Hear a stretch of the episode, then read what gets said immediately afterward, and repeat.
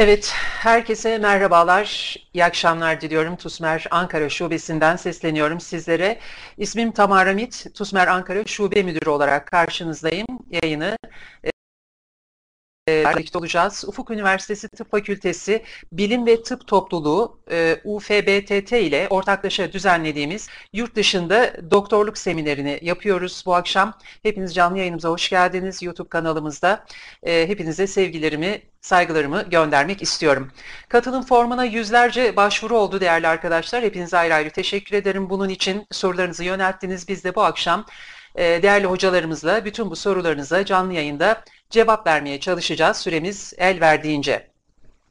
Bir hatırlatma yapmak istiyorum. Kanalda bu akşam e, yorum kısmını e, kapattık sorulara. Çünkü bütün soruları zaten e, değişik formlarla günlerdir sizlerden alıyorduk. Bütün sorularınızı aldık. Bunları sıraladık ve hocalarımıza da ilettik. E, bunun dışında e, tabii ki bazı hekim adayı arkadaşlarımız e, kendilerine ya da arkadaşlarına e, bazen e, saygı duymayabiliyorlar, değişik yorumlar yapabiliyorlar. O nedenle yorum kısmını bu akşam affınıza sığınarak kapatmak durumunda kaldık. E, rahatsız edecek yorumlar gelmemesi açısından. Teşekkür etmek istiyorum Ufuk Tıp ve Bilim Topluluğu'na. Gerçekten e, çok güzel organize oldular, çok güzel bir çalışma yaptılar. Beraber güzel bir çalışmaya imza attık. Bu etkinlikte çalışan bütün arkadaşlarımızı ben kendi adıma TUSMER adına e, tebrik ediyorum ve birlikte çalışmaktan da büyük mutluluk duyduğumu belirtmek istiyorum. Birazdan e, topluluğun genel sekreteri Miray Yağmur Karalezli ile de görüşeceğiz. O da kendisini ve topluluğu tanıtıcı kısa bir konuşma yapacak. Öncelikle e, her zaman olduğu gibi ben iletişim bilgilerimizi vererek başlamak istiyorum. E, hemen kendi slaytıma döneyim. Bu arada internetten kaynaklı zannediyorum bir aksama oldu başlangıçta. Kusura bakmayın bunun için. Evet iletişim numaralarımız şu an ekranınızda bu kanallardan bizlere her türlü sorunuz için e, ulaşabilirsiniz. Telefon numaralarımız ve mail adreslerimiz e, bu şekilde. Biraz içerikten bahsedeceğim sizlere. Ufuk Bilim ve Tıp Topluluğu'nun e, tanıtımını ve açılış konuşmasını yapacak birazdan arkadaşımız. Arkasından eğitmen hocalarımızın konuşmaları gelecek. Almanya, İngiltere ve Amerika Birleşik Devletleri'ndeki doktorluk eğitimleriyle alakalı TUSMER eğitimlerini tanıtıcı bir e, konuşma yapacağım ben arkasından. Ve bu akşam e, yine bir çekilişimiz olacak. Son olarak e, eğitim bursu çekilişleri yapacağız. Tam 55 kişiye e, eğitim burslarımızdan kazandıracağız. E, şimdiden herkese başarılar diliyorum. Evet, sözü fazla uzatmadan e, Ufuk Bilim ve Tıp Topluluğu adına Ufuk Üniversitesi Tıp Fakültesi'nde dönem 3 öğrencisi Miray Yağmur Karalezli ile görüşeceğiz. E, kendisi topluluğun genel sekreteri e, ve bize hem kendinden hem topluluktan e, bahsedecek. Sözü Miray'a vermek istiyorum. Hoş geldin Miray Yağmur yayınımıza. Merhaba hocam, hoş bulduk. Ee, teşekkür ederim öncelikle. Biz de sizinle çalışmaktan dolayı çok mutluyuz. Ee, ben önce bir kendimi tanıtayım. Ben Miray Yağmur Karalevzi, Ufuk Üniversitesi Tıp Fakültesi Bilim ve Tıp Topluluğu'nun genel sekreteriyim. Ee, bugün de etkinliği Tamar hocamızla birlikte yürüteceğim. Ee, kısaca topluluktan bahsetmek istiyorum ben sizlere. Ufuk Üniversitesi e, bilim ve tıp topluluğu nedir, kimdir? Biz tıbbın ve bilimin ışığının yolumuzu aydınlatması mottosuyla yola çıkan bir aileyiz. Amaçlarımız bilimsel çalışma ve tartışmaları teşvik etmek, öğrencilerin mesleki yaşamlarında bilimsel çalışma yapabilmeleri için gerekli tutum ve becerileri sağlamak ve onlara meslek, bilimsel bir bakış açısı sağlamaktır. Ee, bize Instagram'dan @ufbtt adresinden ulaşabilir, sorularınızı e, sorabilirsiniz. Aynı zamanda etkinliklerimizden de haberdar olabilirsiniz. Aynı zamanda YouTube kanalımızda yine @ufbtt şeklinde olacaktır. Susman ve Ufuk Üniversitesi Tıp Fakültesi Bilim ve Tıp Topluluğu işbirliğiyle düzenlenen yurt dışında hekimlik konulu seminerim etkinliğimiz Doktor Kenan Moral, Doktor Dilan Şanlı ve Doktor Onur Duygu hocalarımızın katılımlarıyla 3 oturumdan oluşmaktadır ve TUSMER'den e, etkinlik süresince çeşitli hediyeler kazanma şansınız olacaktır. O yüzden etkinlikten ayrılmamanızı tavsiye ediyorum. Ee, onun dışında her zaman yanımızda olan etkinliği e, topluluğumuzun danışman hocası Sayın Doktor Öğretim Görevlisi e, Mine Farımaz'a ve e, bu etkinlik için de TUSME'ye çok teşekkür ediyoruz. Hocam ben size sözü geri devrediyorum. Teşekkür ederim. Ben teşekkür ediyorum e, Miray Yağmur. Bu güzel çalışma için seni ve arkadaşlarını bir kez daha kutluyorum. Hepinize meslek hayatınızda, öğrencilik hayatınızda, bütün sınavlarınızda başarılar diliyorum. Çok teşekkürler hocam. Saygılar, saygılarımızı iletiyorum tabii ki. Evet e, sevgili arkadaşlar son yıllarda e, yurt dışında doktorluk e, gerçekten birçok hekim adayı için e, çok ciddi bir seçenek haline geldi. Bunun farkındayız. Şimdi hocalarımızdan bunların nedenlerini, e, bunun yollarını, tecrübelerini, bu yoldaki tecrübelerini ve sizden gelen soruları cevaplamalarını istedik. Sırayla hocalarımızla yayınımıza başlayacağız. Öncelikle FSP eğitimleriyle Almanya'da uzmanlık yolunda girmeniz gereken sınav olan FSP eğitimleriyle ilgili hocamız, aynı zamanda yurt dışı danışman hocalarımızdan Doktor e, Kenan Moral ilk önce söz alacak. Şu an zannediyorum yayına girme e, hazırlığında ya da yayında olmalı. Ben arkadaşlarımdan e, soruyorum. Hocamız yayında mı? Bizi bekliyor çünkü yayına katılmak için. Kendisini yayına alalım ve hemen sorularımızı açıklamalarla devam edelim. Evet görüyorum kendisini. Hocam hoş geldiniz yayınımıza. İyi akşamlar. Seste bir sıkıntı var. Hocam mikrofonu açınız lütfen. Geliyor mu şimdi? Evet, Evet şimdi şu an geliyor. gayet net. İyi akşamlar hocam. Çok yoğunsunuz biliyorum. Ee, bu yoğunluk arasında zaman ayırdınız. Çok teşekkür ediyorum size. Lütfen e, kendinizi tanıtın ve sorularla devam edelim olur mu? Olur tabii ki. Ee, ismim Kenan Moral. Ee, Hacettepe Tıp Fakültesi mezunuyum. Hacettepe İç Hastalıkları dönem 4 artık. Yani 4. sene asistanıyım. Dönem 4 dedim. E, stajyer şeklinde gibi. Hala kafa öğrencilikte kalmış demek ki. Ee, 4. sene asistanıyım. Ee, Almanya'da doğup büyüdüm. Almanya'da irtibatlarım var. Orada çalışmışlığım var. TUSMER'de hem FSP hem de PrEP e, eğitmeniyim. Ee, bu şekilde e, kısaca böyle bir tanıtmış olayım kendimi. Gayet güzel hocam. Bayağı soru geldi Almanya ile ilgili. Siz zannediyorum bu sorulara e, hazırlandınız. E, isterseniz Evet. o sorularla soru cevap şeklinde başlayabilirsiniz hocam. Ee, ben aslında sunumum hazırsa sunumum üzerinden yani e, şey yapmak Evet. istiyorum. Orada e, birçok sorunun aslında onu açarsak soru e, şeyimin üzerinden yapıp e, Evet ayrıten ayrıntılı soruları da oradan devam ettirmeyi düşünüyorum açıkçası. Tamam. İzninizle ben sunuma başlayayım. O şekilde yaparsak daha uygun olur diye düşünüyorum. Tamam, teşekkür Evet. ederim. Buyurun. Bu arada Miray e, Hanım'a da merhabalar, hoş geldiniz. Tanıştığıma çok memnun oldum. E, umarım Ben hocam inşallah çok teşekkürler. sorularınıza evet, e, umarım inşallah e, sorularınıza e, veya aklınızdaki soru işaretleri veya doğrusu merakınızı giderebiliriz bu sunumla beraber. Ben başlıyorum. Şimdi tabii ki e, son yıllarda e, yani revaçta olan bir konu Almanya konusu, Deutschland konusu. Özellikle tabii ki e, hekim hekimlik şartlarının Türkiye'de hala iyileştirilmemesi, işte diğer ekonomik, sosyal veya siyasal durumlardan dolayı gençlerin bir bölümü yurt dışında e, yeni bir e, hedef veya yeni bir e, yol haritası çizmek istiyorlar ve doğal olarak da e, yurt dışı ile ilgili soruları oluyor. E, şimdi Almanya'ya aslında kısaca gelecek olursak yani neden ve niçin Almanya sorusu aslında en önemli sorulardan birisi. E, tabii ki bir hekim adayının veya daha doğrusu bir öğrencinin kafasında, tıpçının kafasında aslında ana perspektifte 5 tane şey var. Yani hani bunlar 5 majör şeyler. Bir çalışma şartları, iki maaş, üç sosyal çevre hayat koşulları, dört akademik perspektif. Bu tabii ki yani akademisyenliği düşünenler için geçerlidir.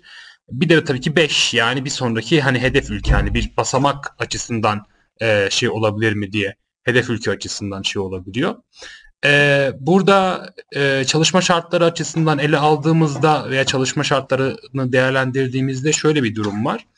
Ee, elbette ki Almanya e, Türkiye kıyaslaması yaptığımızda çalışma şartları arasında ciddi farklılıklar var. Bunu zaten bir sonraki Türkiye-Almanya kıyaslaması e, kıyaslama şeyinde anlatacağım. E, maaş maaş meselesine gelirsek eğer bu çok sorulan bir şey aslında. Yani maaş nasıl Almanya, Amerika, İngiltere önemli bir konu. Çünkü o kadar okuyorsunuz, emek ediyorsunuz. Emek ettiğiniz halde emeğin karşılığını insan elbette almak ister. Yani para göz olmak e, şey değil kimsenin gözü ama e, hani ister istemez insan sonuçta e, emeğin karşılığında almak istiyor. E, şimdi Almanya'da tabii ki bir asistanın başlamış olduğu maaş düzeyi veya daha doğrusu bir asistanın almış olduğu maaş aşağı yukarı 3200 euro diyelim net netto maaşlar. Yani e, sistemde gördüğünüz brutto maaşlar 5600 6000 euro bruttodur. E, maaş fix ilk sene 2400-2500 eurodur. Artı 600-700 euro, 800 euro şeklinde nöbet parasıyla beraber 3200 euro bulur. Bu her sene artar maaş. Son sene asistanına geldiğinizde 4200-4400 euro alırsınız. Bir uzman doktor olduğunuzda eğer 5000 ile 6000 euro alırsınız. Fakat diyoruz biz buna. Ee, en yüksek maaşı ise oba atslar ve şef atslar alıyor. Bu oba ats nedir? Aslında hastanenin bölüm başkanıdır. Şef ats da e, başhekim şeklinde olan bir birisidir. Biraz sistem farklı Almanya'da burası gibi hani şey yok böyle ana bilim dalı başkanı oluyor. Şey e, bizde ana bilim dalı başkanı olur. Bir de başhekimlik olur. Biraz da Amerikan modelidir ama Almanya'daki obaat şefaat meselesi vardır. Ee, en fazla da şefaat alır 12 bin 11 bin euro. Bu yani Almanya şartları içerisinde işte 3200 euro 3100 euro iyi mi hocam? Yani nasıl bir şartlar? iyi para mıdır? Hani tabii ki 3200 e, çarpı 8 TL yaptığında kaç para yapıyor? 30 bin mi yapıyordu Tamar Hanım şimdi hatırlamıyorum. Tam matematiğim çok kötü benim ama. e, daha yani kötü. yani öyle bir hesaplamaya gidersek tabii ki çok doğru olmaz. Sonuçta Almanya'da yaşıyorsunuz ama yani 3200 euro bazal e, bir şekilde bir hayatınızı idame ettirecek şekilde gayet güzel bir şekilde hayatınızı idame ettirirsiniz. Ama ve lakin işte ben Porsche almak istiyorum. Ben işte villa sahibi olmak istiyorum. İşte ne bileyim Dubai'de bir tane penthouse'um olsun. İşte bunlar istenebilen şeyler tabii ki. Ee, bunun için tabii ki Almanya e, çok doğru bir tercih de olmayabilir arkadaşlar. Hani parayı alırsınız, kazanabilirsiniz ama bir Amerika kadar yani Amerika şey Amerika kadar e, ciddi şekilde e, yüz binlerin konuşulduğu rakamlar almak biraz daha şey tabii ki. Çünkü Almanya'da gelir adaletsizliği Amerika'ya göre biraz daha az olan bir ülke ve gelir eşitliği gelir eşitliği biraz daha şey yapılmaya çalışıyor. Ne kadar son zamanlarda bu bozulsa dahil Avrupa'da da bozuldu ne yazık ki bu durumlar. E, maaşla ilgili e, bir diğer e, önemli meselelerden birisi tabii ki hayat şartlarıyla ilgili. Yani siz mesela oraya gittiğinizde en çok maaşınız nereye gidecek? Bu sorular çok soruluyor hayatla ilgili. E, büyük şehirlerde yaşadığınız zaman tabii ki elbette kira Almanya'da çok pahalı. E, YouTube'da bunlarla ilgili çok kanallar var. E, işte Almanya'da yaşam vesaire şeklinde. Kimileri biraz çok abartı, kimileri biraz çok şey. Ama şöyle söyleyeyim yani kira en çok masraf kiraya gidecektir. Gıda fiyatları gayet uygundur. Ee, işte araba fiyatları, şey fiyatları olsun bunlar gayet e, e, uygundur yani baktığınız zaman. Ama büyük şeylerde özellikle Münih gibi işte atıyorum e, işte Frankfurt gibi büyük şeylerde cidden kira parası bayağı yüksek. Yani 1200-1400 eurolarda kira paraları oluyor. E, iki eş olarak gittiğinizde mesela eşinizle siz çalışırsanız ikiniz de 3200-3400 euro maaş alırsanız ya çok çok çok rahat edersiniz. Çok çok hayat kalitesini yüksek bir şekilde Almanya'da idame ettirebilirsiniz arkadaşlar. Ee, onun dışında e, sosyal çevreye bakmamız gerekiyor. Sosyal çevre de önemli. Şimdi burayla ilgili hep şöyle bir soru oluyor. Yani e, işte hocam e, e, Almanya'da yaşam nasıl?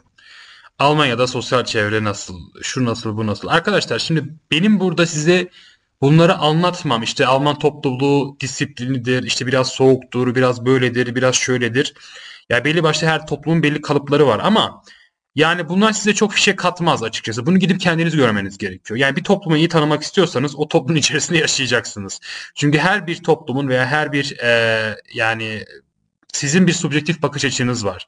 Ya bunu da her zaman söylüyorum ben. Yani bir yurt dışına gidecekseniz eğer işte ona sor, soruyorsunuz, buraya soruyorsunuz. Hani prosedürle ilgili sorun tabii ki ama işte yaşam nasıldır, daha doğrusu Almanlar nasıldır? Bunu gidip kendiniz görmeniz gerekiyor, kendiniz yaşamanız gerekiyor. Alman toplu, toplu e, Almanlar tabii ki bizim kadar e, sıcak kanlı değiller. Daha soğuklar, daha disiplinliler. İş hayatlarında e, sunumum herhalde şey oldu bir anda ortadan kayboldu. Ben, Niye? Hemen alıyorum ha. geri hocam. Tamam. Ee, bu e, şey yani biraz daha soğuklardır ama e, daha disiplinler, saygı düzeyi daha fazladır kesinlikle. Yani samimiyet yoksa da samimiyet yok bir yandan ama saygı düzeyi çok çok daha iyi arkadaşlar. Bunlar önemli faktörler tabii ki. Yani bunları için içine kattığınızda bunu gidip kendiniz hani bir şekilde görmeniz gerekiyor. Hayat standartınız tabii ki küçük yerlerde yaşasanız da yine yüksek olabiliyor arkadaşlar. Yani orada bir işte tiyatro olsun ne bileyim işte yakından hemen büyük şehre ulaşabilecek ulaşabileceğiniz bir e, e, şehir olsun e, var. Yani çünkü Almanya'nın e, altyapısı tabii ki Türkiye e, gibi değil. Yani Türkiye'deki e, büyüme paterni veya şehirleşme paterni e, daha çarpık Almanya'ya göre. E, bu da tabii ki sosyal çevreyle ilgili. Akademisyen hani sosyal çevreyle ilgili şey de anlatacağım tabii ki. Asistanlık ilişkisi, mobbing ilişkisi. Onu Türkiye-Almanya kıyaslamasında anlatırken daha güzel bir şekilde sizin için ufuk açıcı, ufuk açıcı olabilir. Tabii ki takdir dersiniz ki ben bu konu üzerinden saatlerce konuşabilirim yani Almanya şudur budur vesaire ne olabilir nedir kısa kısa hani kesmeye çalışıyorum. Hani herkesin bir şekilde faydalanması için. Akademik perspektif meselesi önemli bir soru aslında. Almanya akademik perspektif için çok doğru bir tercih bana göre. Yani klinisyenlikten ziyade akademik perspektif çok doğru bir tercih. Yani özellikle PhD yapmak istiyorsanız, işte akademisyenlik yapmak istiyorsanız, biyokimya, istatistik, immünoloji yani bunlar muazzam yani hani Almanya'da ve Amerika, Almanya bu konuda tabii çok e, altyapıları güçlü olan ülkeler ve teknik donanımları da yüksek olan ülkeler. Özellikle bu konuda e, kesinlikle tavsiye ederim yani yurt dışını. Almanya'yı da tavsiye ederim. E, Almanya'da özel olarak Max Planck Enstitütler oluyor böyle biyokimya Max Planck Enstitüt veya PhD programları oluyor. Bunlara da katılabilirsiniz arkadaşlar. Üniversitelerin immünoloji, biyoloji, biyokimya vesaire giden e, buradan Türkiye'den giden e, arkadaşlar da oldu ve çok da başarılı yerlere geldiler açıkçası e, akademik perspektif açısından da çalışırsanız gayet yani önünüz e, şey olan bir ülke aç, e, e, yani ciddi anlamda tabii ki emek sarf etmeniz gerekiyor. Şunu söyleyeyim ya e, Almanya'da akademisyen olmak tabii ki çok büyük emek sarf yani bayağı bir çalışmak gerekiyor. E, öyle her e, herkese böyle doçentlik falan verilmiyor Türkiye'de olduğu gibi. Her, Türkiye'de kütüğe de kütüğü de artık doçent yapıyorlar yani artık bu hale gelmiş durumda. Ama Almanya'da öyle o kadar kolay değil arkadaşlar cidden bu durum. Ee, bir sonraki hedef ülke için bu soruda, sorularda da vardı. Yani İsviçre neden tercih edilmedi? Ben hani Türkiye'de yaşıyorum. İsviçre'yi neden tercih etmedim diye sordu, sordular da benim ailesel e, e, hani benim niye Türkiye'de yaşıyorum diye sorabilirler şimdi Tamara Hanım ama herkesin tabii ki baş e, özel e, e, hayatı ve e, sebepleri var. E, bir sonraki hedef ülke için İsviçre çok güzel bir adım. Yani İsviçre Almanya'nın Alman doktorlarında tercih ettiği bir yer. Niye tercih ediyorlar? Çünkü bir çalışma şartları daha iyi Almanlara göre, Almanya'ya göre. Bir de şey yani parası daha iyi yani ciddi anlamda e, para çok çok daha iyi olan yani gelir e, düzeyi daha yüksek olan bir ülke olduğu için İsviçre'ye de adım atabilirsiniz. Aynı şekilde akademik perspektif açısından İsviçre'de çok sağlam üniversiteler var. Özellikle biliyorsunuz Novartis olsun, farmakolojinin e, iki yani Novartis ve bir büyük daha farma e, koleji e, farma sanayisinin orada merkez üst, üstleri var. Bu da tabii ki çalışmalar yapabilirsiniz. Ee, veya tabii ki İsveç, işte atıyorum e, Norveç gibi ülke. Norveç değil de İsveç'e daha çok gidenler olabiliyor ve Amerika'ya gidenler olabiliyor arkadaşlar. Şimdi e, şey sorusu çok soruluyor. Yani CV'de ne, neler dikkat edilmeli? İşte CV ne kadar önemli? Şimdi arkadaşlar CV meselesi tabii ki e, biz doktorlar olarak çok CV'lerle uğraşmadık. Türkiye'de çok uğraşmıyoruz. Yani e, ne oluyor Türkiye'de? İşte TUS'a giriyorsun, bir yer kazanıyorsun. Yandal'a giriyorsun, bir yer kazanıyorsun. Bu şekilde yürüyor yani işler. Almanya'da CV çok önemli. Yani ciddi anlamda CV hazırlığını iyi yapmak gerekiyor. Yani CV nasıl yapılır, nasıl edilir bunun e, profesyonel olarak desteğini de biz vere, e, veriyoruz zaten. Yani CV hazırlamak özellikle bir yere kabul almak için almaların çok çok ama çok çok dikkat ettiği bir şey. Çünkü ona göre ciddiyet adam ciddi mi değil mi diye ona göre bakıyor arkadaşlar. Bu da tabii ki önemli bir faktör. E, referanslar önemli. Referanslar tabii ki yani tabii ki referans her zaman önemlidir. Yani yurt dışını düşünen arkadaşlar için ben her zaman şunu söylüyorum. CV'nizi doldurun arkadaşlar. Yani yurt dışı staj yapın. Atıyorum öğrenciliğinizde adınız bir çalışmada geçsin. bir yerde geçsin. PhD dersleri varsa PhD dersleri alın. Bu adamlar bunlara bakıyor. Yani sizin TUS'ta ne kadar derece yaptığınıza çok bakmıyorlar açıkçası. O adam zaten onun için bir gösterge değil. Ama hani atıyorum bir çalışma çalışmada adınız olsun, yurt dışında bir yerde staj yapmışsınız, yap, yapmış ol, ol, olursunuz. Ufuk Üniversitesi'nde PhD programı var mı bilmiyorum Miray Hanım ama e, varsa ve Hacettepe'nin var aslında. Onunla da özel öğrenci olarak başvurabilirsiniz. Misal ara ara gidiliyordu. Şimdi kapandı mı bilmiyorum. Ben e, uzun zamandır gitmedim çünkü. E, bunları mutlaka yapın. Yani referans CV'nizi doldurmaya çalışın arkadaşlar. Bunlara çok dikkat ediyorlar. Benden özel bir bir anekdot at, hatırlatayım. Ben bir yere başvurmuştum. E, oradaki CV'mde işte öğrenciyken baya bir işte PhD'miz şudur bu şeyler vardı. E, adam çok yani hoca işte CV'niz çok güzel, çok iyi işte e, çok başarılı bir CV'niz var. Biz sizi e, almak istiyoruz şeklinde hemen bir geri dönüş sağladılar. Yani büyük bir üniversiteydi. E, yani bu önemli arkadaşlar. Bunlara dikkat edelim lütfen. Şimdi tabii ki bu çok bu mesele yani sürekli konuşulan bir mesele. Yani FSP Kenntnisprüfung nedir? İşte süreç nasıl işliyor? Ee, bunun tabii ki ayrıntılı noktaları var. Yani bunu yine takdir ederseniz ki bir saat yani 40 dakikalık bir sunum içerisinde her şey ayrıntılı bir şekilde anlat e, şey yapılmıyor. Bunların kursları var, nasıl yapılması gerekiyor, nasıl edilmesi gerekiyor şeklinde bilgileri veriyoruz ama burada genel bir çerçeve çizmek iste yani çizmek zorunda kalırsak eğer bir dil sertifikamız var. Dil sertifikası biliyorsunuz Goethe en az C1 almak zorundasınız. Sonra FSP'ye giriyorsunuz. Sonra Berufserlaubnis yani iş çalışma izni alıyorsunuz. Sonra da Gutachterprozess veya Kenntnisprüfung meselesini sürecine gidiyorsunuz. Şimdi nedir bunlar? Bunları tek tek ele alalım bir. E, ya dil sertifikası tabii ki tamamen dil Almanca dile hazırlanmak gerekiyor arkadaşlar. Yani bu hep şey soruluyor. Hocam işte ne zaman başladım? Bana göre en az yani dil için en az iki sene önceden başlamak gerekiyor. Ben e, kendim dört tane dil biliyorum arkadaşlar ve dört dili de yani zaman içerisinde öğre, e, öğrendim ve zaman zaman da e, yani bir dili yani başka diller de biliyordum. Mesela İtalyancayı biliyordum. Unuttum yani İtalyancayı. Bayağı 5 sene İtalyanca çalışmıştım. Bayağı da konuşuyordum ama aradan zaman geçince unuttum. Onun için dilde devamlılık esas arkadaşlar. Lütfen ama lütfen yani işte 3 ay çalışayım, 2 ay ara vereyim. Yani sonuçta siz şey yapmanız gerekiyor. Ya yani bunu devam ettirmeniz gerekiyor. Video izleyeceksiniz, film izleyeceksiniz, gazete okuyacaksınız. Ve en az 2 sene önceden başlamak gerekiyor. Almanlar tıbbi bilginizden önce arkadaşlar dilinize çok dikkat, çok çok önem veriyorlar. Almanlar dil aşığı bir toplum. Dillerini iyi bilen bir doktora velev ki tıbbı, tıbbı bilgisi çok iyi olmasın yine şey veriyorlar. Yani ben bunu çok gördüm açıkçası. Bu e, yurt dışında tabii ki staj yapmak güzel bir fırsat. Yani özellikle dile hazır, hazırlandıktan sonra dil işte atıyorum işte Goethe e, işte kursuna gittiniz veya işte başka kurslara gittiniz. E, orada işte dil dil hazırlığı yapıyorsunuz. Bir sene geçti aradan mutlaka yurt dışına gidin. Mutlaka bir pratik yapın yani ciddi anlamda. Türkiye'deki özellikle dil eğitimle ilgili pratik sorunu çok var ne yazık ki. Bunlara iyi yapmak gerekiyor arkadaşlar. Peki yaptınız. Yani e, şey yani siz söyleyin. E, Goethe C1 şeyini aldınız arkadaşlar. E, ve geldiniz işte FSP'ye başvuruyorsunuz. Her bir eyalette oluyor. Tabii ki hangi eyaletler daha kolaydır meselesi sorusu da vardı. Onu da değineceğim. İşte atıyorum Bavyera eyaletine gittiniz. FSP'ye başvuru yaptınız arkadaşlar. Bunların başvuruların belli esasları var. Bunlar tabii ki biraz teknik konular. Yani sunum içerisinde çok e, biraz boğuk olurdu bunları anlatmak için. Genel çerçeve açısından baktığımızda FSP'ye başvurunda işte sizin işte kurikulumunuz, hani sizin üniversitede aldığınız diplomanız, kurikulumunuz, işte sağlık e, e, e, sağlığınız yeriniz, yerinizde olduğunuzda, olduğunuzda dair belge, işte C1 sertifikanız bunları topluyorsunuz.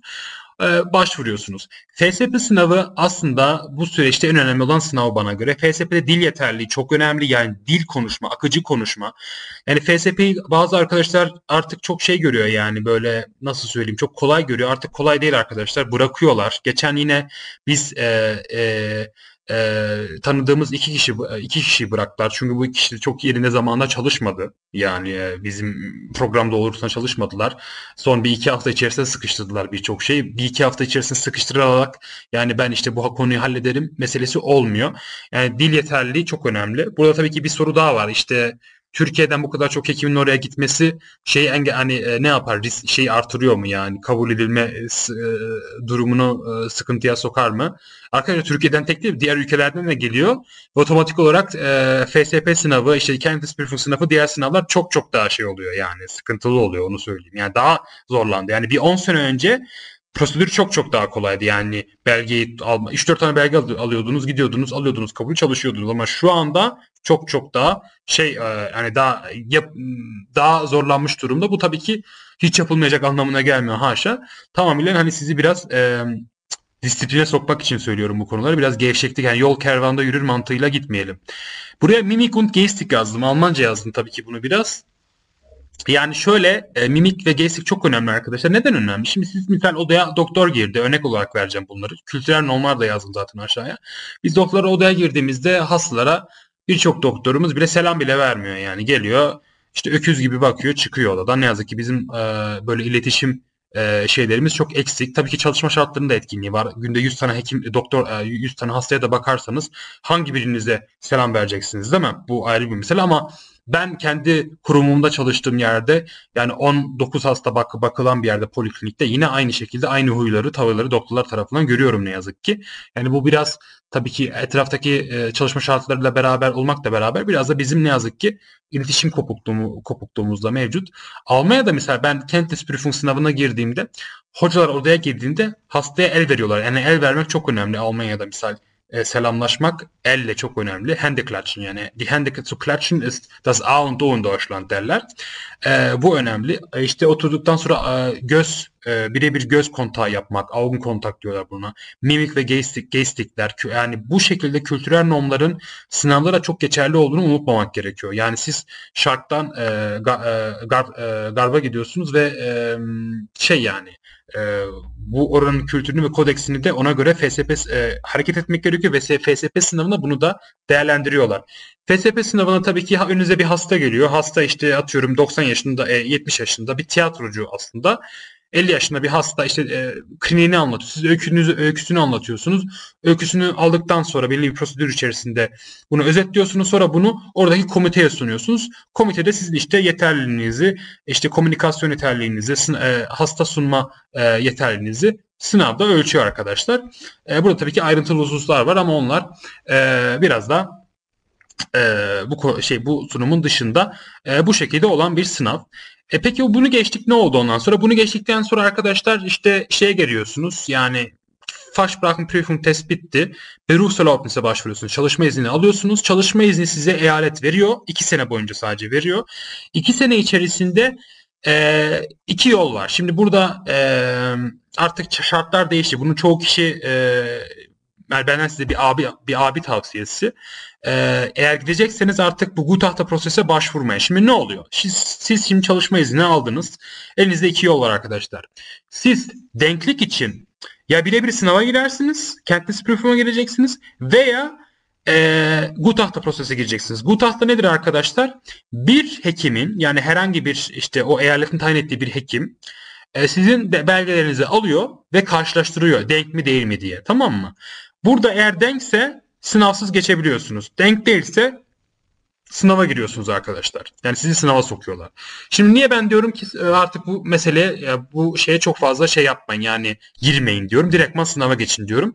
Şöyle bu tahta prosese girdiğinizde 1000 euro ödemeniz gerekiyor cepten. E, Kenntnisprüfung sınavı zaten 500 euro. E, cebinizden çok daha fazla para çıkacak. Yani ben de misal zamanında Gutahta prosese gittim. Ben Alman vatandaşıyım.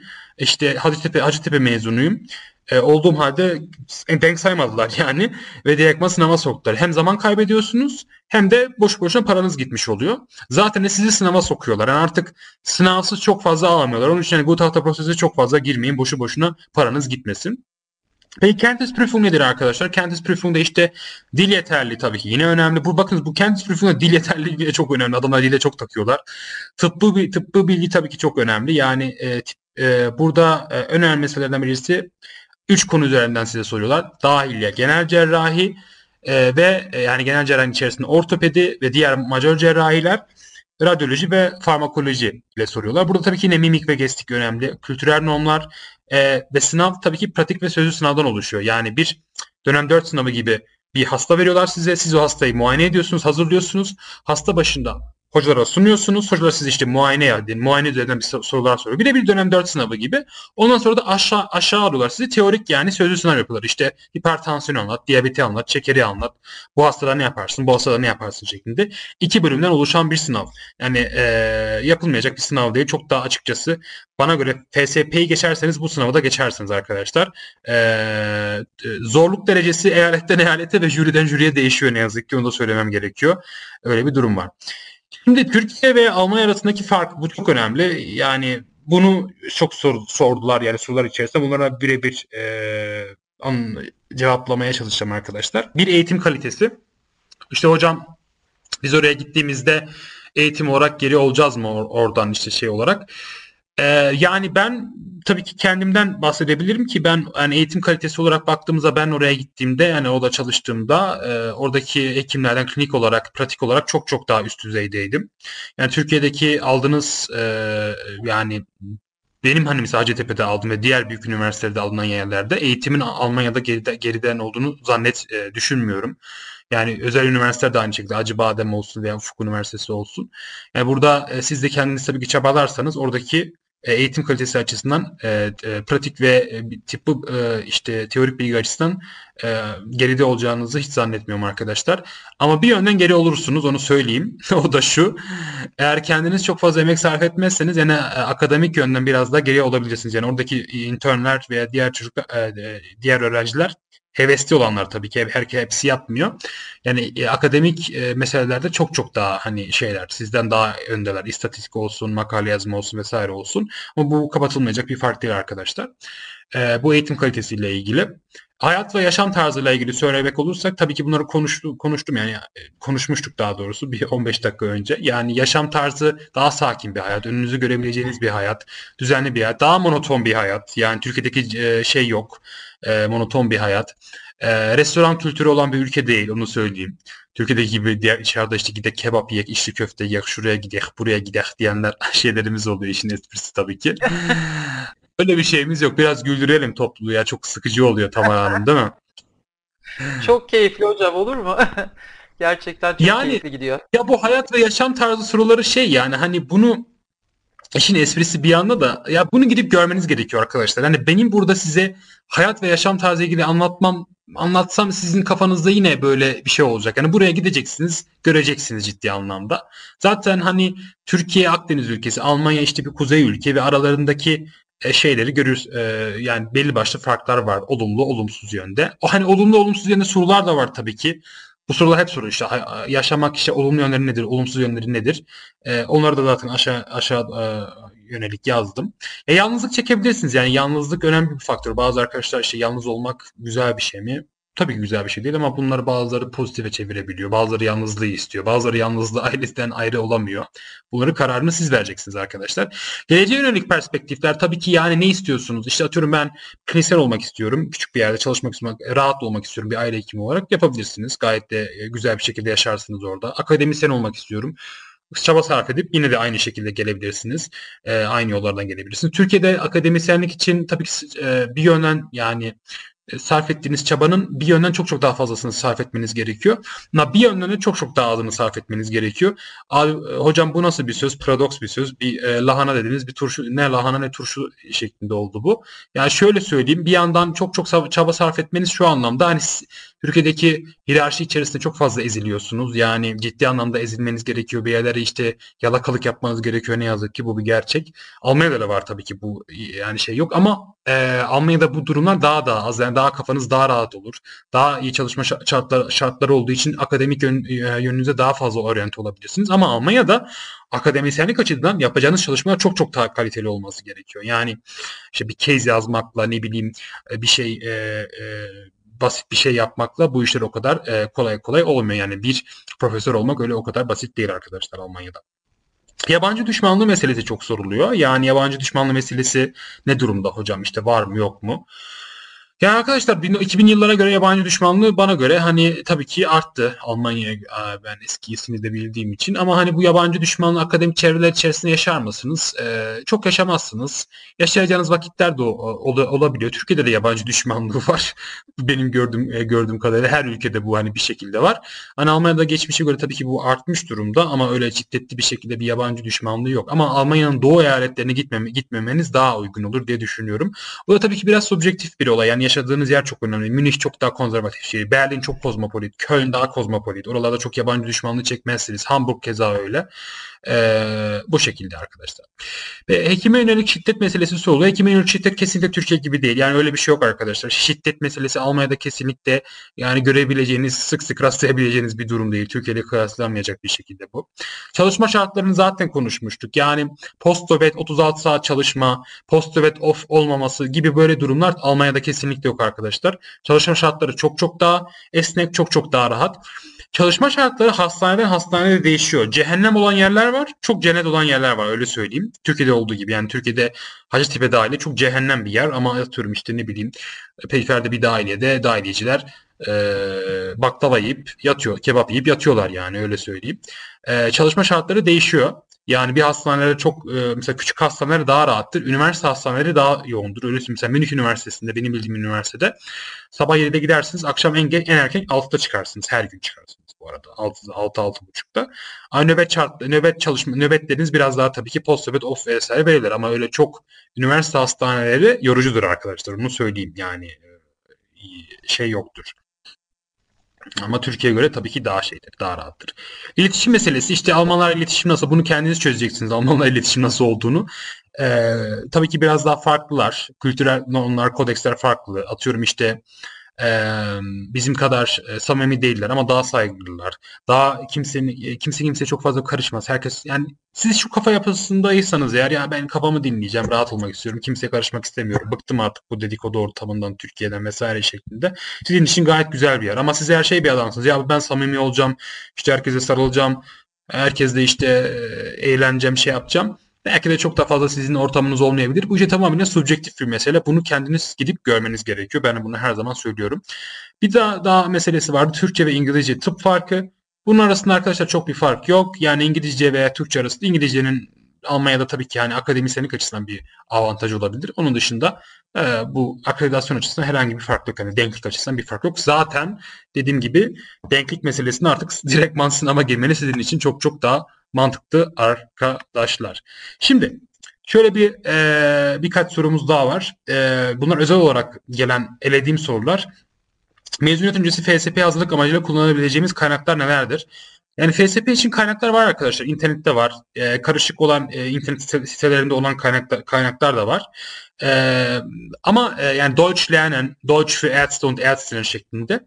Ama tabii ki burada biraz reklam yap, yapmak istemiyorum ama bizim FSP kursumuz bu konuda kaynakların hepsinden çok çok daha iyi. Çünkü biz hepsini şey yapıyoruz. Derli topluyoruz ve simülasyon yapıyoruz. Yani Türkiye'de cidden birebir ana dil Almanca şeklinde Nihal Hocam'la beraber e, çok kaliteli bir e, iş yaptığımızı söyleyebilirim. Hani bunu e, kendimi övmek açısından söylemiyorum arkadaşlar. Cidden o şekilde.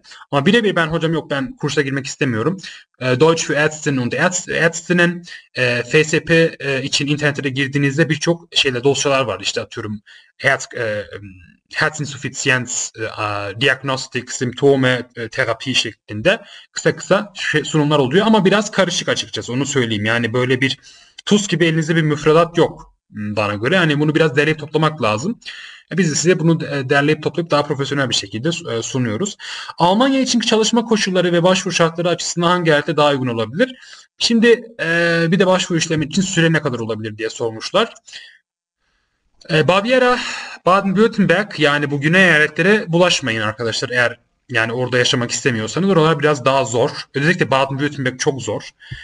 Ee, kuzey eyaletleri Nordrhein-Westfalen, Berlin, Berlin, Hessen bunlar daha kolay eyaletler. Buraya başvurabilirsiniz. Bunlar daha e, birebir yani güneyden kaçının yani onu söyleyeyim. Başvuru işlemleri için ortalama ne kadarlık bir süre gerekiyor? Ee, arkadaşlar kusura bakmayın da burası çok karanlık oldu. Ben bir ışık açayım. Ben söyleyecektim hocam. Bayağı karanlıkta kaldınız. Evet. Evet, evet. Daha, aa, şimdi bak yüzüm parladı resmen ya. Çok iyi oldu. Evet. çok iyi. Evet, evet. Daha yakışıklı oldum değil mi Tamara Hanım? Çok yakışıklısınız şu anda. Estağfurullah ya. O sizin ve Miray Hanım'ın güzelliği. Ee, şimdi Almanya için e, şimdi başvuru işlemleri için ortalama ne kadarlık bir süre gerekir diye sormuş bir arkadaş. Ya şöyle FSP'ye başvurdunuz arkadaşlar. Bu süreç aslında Gutach'ta prosesle beraber maksimum bir buçuk iki senede bitiyor. Ama bu tahta prosesi hiç girmezseniz ki bana göre girmeyin dediğim gibi ya bir sene içerisinde bir, bir, bir sene dört ay yani bir, bir buçuk senede en geç bitirebilirsiniz bu süreyi arkadaşlar. Bu eyaletten eyalete biraz farklılıklar oluyor. Pandemi sürecinde başvurular devam ediyor. Tabii ki Almanya ama pandemi hani şeyle gitmek biraz zor bu dönemde. Onun sıkıntısı var onu kabul ediyorum ama FSP sınavları alımları devam ediyor arkadaşlar onu da söyleyeyim. Ee, ay ileri mi aldım? Ha. Türkiye'de tıfıl bir tıfıl destinde yerine yatay geçiş yapmış olmak İngiltere ve Almanya'da uzmanlık yapamamak için buradaki eğitiminizi saydırmak alanında herhangi bir sıkıntı çıkarır mı? Yatay geçiş yapmış için bir süreç nasıl işler?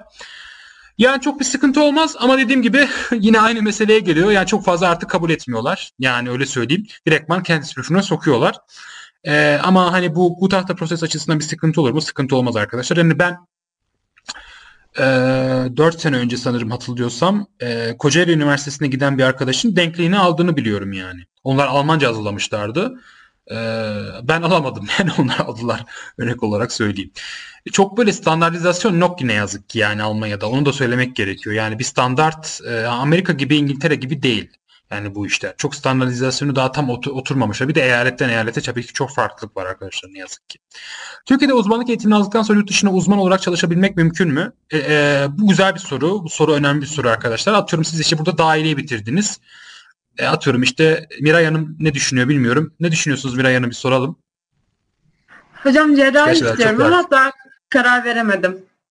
Tamam. Sen de böyle bir kadın doğum kadın doğumcu tipi var bence böyle. Diyelim ki jinekoloji istiyorsun. Jinekolog olacaksın. Ee, bitirdim burayı. Şimdi arkadaşlar aprobasyon, FSP aprobasyon süreci aynısını yapmak zorundasınız. Yani tıp fakültesi denkliğini alacaksınız. Tıp fakültesini denkliği aldıktan sonra ikinci aşamaya geçiyorsunuz. Nedir o ikinci aşama? Uzman, çok pardon uzmanlık sürecinin veya uzmanlığınızın denkliğinizi almanız gerekiyor. Bu da farklı bir şey üzerinden yürüyor. Bu da Bundesärzte Kammer'a gidiyorsunuz. Yani oradaki e, Tabipler Birliği, Eyaletler Tabipler Birliği'ne başvuruyorsunuz. Eyaletler Tabipler Birliği sizin e, CV'nizi, sizin kaç sene eğitimini aldığınıza bakıyor. Mesela Türkiye'de kadın doğum benim bildiğim kadarıyla 5 sene ya 5 seneydi herhalde diye yanlış hatırlamıyorsam. Mesela ama Almanya'da 6 sene. Ne yapıyor? 5 senenizin bir bölümünü saydırıyor. 4,5 seneyi. 1,5 sene devam ettiriyorsunuz orada. Sonra sınava giriyorsunuz. Fakat sınavına giriyorsunuz. Alıyorsunuz. Yani eğitim sürenizi o şekilde tamamlayabiliyorsunuz. Ama birebir fakat titelinizi veya uzmanlık title'ınızı birebir kabul etmiyorlar. Yani ben çok görmedim. Mesela genel cerrahiden giden bir arkadaş vardı. Burada 3,5 sene çalışıyor. 3 senesini saydılar orada. Gayet iyi bir şekilde yani. E, Doktor Kenan Mural Hoca birebir koydu bunu çok tatlı tatlı bir soru olduğu için. Hocamıza bir sorun var. Neden İsviçre'yi tercih etmedi? Doktor hakkında bilgisi varsa bizimle paylaşabilir mi? Aslında bu soruyu e, önceden de cevap buldum zaten. Evet. evet. Efendim? Efendim tamamen? Başta bahsettiniz bundan doğru. Evet evet. İlk başta girişte... bahsettik. Yani ya İsviçre yani şunu söylemek istiyorum. Bunu buraya niye koydum ayrıca? Baştan İsviçre'ye gitmek, ben Türkiye'den İsviçre'ye gideceğim hocam çok zor arkadaşlar hiç uğraşmayın. Ya çok yıpranırsınız. Almanya'ya gidin, aprobasyonunuzu alın. Ondan sonra zaten İsviçre kapısı size açık. Hiç uğraşmanıza gerek yok. Tamam. Yani bunun için ben bu soruyu koydum. Yani Almanya'dan zaten dil aynı, şey aynı. Tabii ki dil biraz birebir aynı değil ama İsviçre yola, yolu biraz daha zor bir yol Almanya'ya göre. Onu demek, onun için koydum. Türkiye'den birçok doktorun Almanya'ya gitmeyi hedeflesiyle de bir zorluk oluşturur mu? Yani Türkiye'den değil birçok yerden gidiyor doktorlar. Dediğim gibi işte FSP sınavının tabii ki zorluk derecesi arttı arkadaşlar. Almanya denklik ve sınav sürecinin görece kolay işlediği eyaletleri var mı? Tekrarlıyorum bunu bir daha. Belki arkadaşlar kaçırmış olabilir. Yani Nordrhein-Westfalen, Berlin, Mecklenburg-Vorpommern eyaleti ve Hessen eyaletleri çok daha kolay eyaletler arkadaşlar. E, açıkçası benim söyleyeceklerim bu kadar. Yani e, şeyle ilgili, Almanya ile ilgili kısaca bir sunum yapmış olduk. E, sözü ben Tamara Hanım ve Tamara Hanım'a bırakıyorum. E, hocam çok güzel çok toparladınız. Teşekkür, teşekkür ederim. E, ben de teşekkür ediyorum ama bir iki not aldım. Onları da size sormak istiyorum. Şimdi bize de gelen çok soru oluyor tabii. Ee, biz evet. FSP kursu veriyoruz. Onu çok güzel anlattınız. FSP kursunu siz ve Nihal hocamız ikiniz birlikte gerçekten çok profesyonel bir şekilde veriyoruz. Ayrıca FSP simülasyonu veriyoruz bahsettiğiniz gibi. Aynen FSP sınavına girer gibi bir ortam yaratıyoruz katılımcılara. Şunu sormak istiyorum. Önceden C1 dediğiniz için soruyorum bunu. B2 seviyesi e, değil mi artık? C1 e, belgesi mi almak zorunda hekimler? E, GÖTE'den alınacak sertifika C1 mi olmak durumunda? Yani şöyle arkadaşlar yani B2 tabii ki yetiyor ama ben C1 C1'i şart Olsa koyuyorum çünkü C1'i öğrenirse tabii ki yani arkadaşlar dil çok önemli. Ben sınavda yani bizim iki tane öğrencimiz vardı. Ee, bize başvurularında bizim dersleri hiç almadılar. Yani sırf simülasyon için başvurdular. Yani simülasyonda o kadar yorucuydu ki ya, yani şu anlamda yorucu. Dili öğrenmediğiniz zaman yani istediğiniz kadar sınava çalışın hiçbir anlamı yok. Yani dil çok önemli. Yani akıcı konuşmanız gerekiyor. İletişim halinde olmanız gerekiyor onun için. Yani bence C1 şart. Çok, benim şart görüşüm. Çok tutucular o konuda söylediğiniz gibi. Bir de bir dönem tabii sadece Almanca bilmek yeterli gibi bir algı vardı Türkiye'de. Hani Almanca bilen evet. herkes gider Almanya'da rahatlıkla iş bulur, çalışır gibi. Ee, bu da sizin Hı-hı. anlattıklarınıza göre geçerli değil. Çünkü bayağı zor bir sınav olduğunu biliyoruz FSP'nin. Ee, yanılıyor yani muyum? Doğru evet, değil yani mi? Es, evet, evet. Yani eskiye göre şu an eskiden çok daha kolay da artık bırakıyorlar yani bizim hmm, yani etrafta gördüklerinden e, bırakanlar oldu arkadaşlar öyle söyleyeyim. Ya iyi hazırlanırsanız geçersiniz. E, Yazılamak Kesinlikle gerekiyor. Yani öyle. çok hafife almamak gerekiyor. Onu demeye çalışıyorum. Kesinlikle öyle. Bence çok çok güzel e, bir sunumdu. E, ağzınıza sağlık. Çok güzel toparladınız bütün soruları. Miray sorun var mı senden e, arkadaşlarından duyduğun hani şunu da sorsaydık dediğiniz bir durum varsa hocamızdan ayrılmadan onları da soralım. Yoksa e, çünkü işi var biliyorum gidecek. Yok aslında Evet. hocam e, e, Kenan Hoca bizim aklımızdaki tüm soruları aslında bayağı güzel özetledi. Çok teşekkür Evet, ederiz. Çok bilgilendirici bir sunum oldu. Gerçekten Rica teşekkür ederim. ederiz. demek. E, o zaman size kolaylıklar hocam, başarılar. Başka Yani özel olarak tabii ki derslerde görüşmek üzere. Görüşmek üzere. Görüşmek üzere. Özel olarak sorular olan varsa yine tabii ki aradan kaçmış olabilir belki. Belki yine insan Evet. kafasındaki soru Evet, işaretleri şu- bitmez. şu- Yine şu şey da geliyor. yani. Bu da geliyor soru olarak hocam kapatmadan onu da sorayım bari. Ee, Hı. ileride hani e, bu kadar çok fazla talep olduğunu söylüyor bazı arkadaşlarımız Almanya'ya. Hani ben daha ikinci sınıftayım diyor. Ben mezun olduğumda bu kadar e, talep e, olursa ben şansım olacak mı gibi bir e, soru geliyor zaman zaman. E, Her zaman Olur, Almanya'nın e, doktor ihtiyacı var diye biliyorum. Doğru Her mu? sene, her sene 15 bin Her 20 zaman. bin doktor emekliliğe ayrılıyor orada. Yani doktor açığı olacağı için yani merak etmeyin olur hiç yani e, şey yani Almanya'daki yaş sıkıntısı olduğu için Doğru. olur. Yani çok arıyorlar. Çünkü Doğru. bu o- yani Zaten- prospektif olarak 15-20 sene içerisinde hekim açığı her zaman daha devam edecek Almanya'da. Yani devam edecek. gerek Zaten yok. bizim doktorlarımız da dünyanın her yerinde rahatlıkla e, doktorluk yapabilir diye düşünüyorum. E, size Tabii çok ki, teşekkür tabii ki. ediyorum hocam. Çok teşekkür ediyorum. Rica ederim. Ne demek? Ben de teşekkür Görüşürüz ederim. Durumda, Tamam. Çok teşekkürler hocam. Hoşça Ben de teşekkür ederim. Görüşmek üzere. Görüşmek üzere. Evet Miray, e, Miray Yağmur. Devam edelim. E, şimdi sırada Alman, e, Amerika hocam. Birleşik Devletleri için bir çalışma yaptık.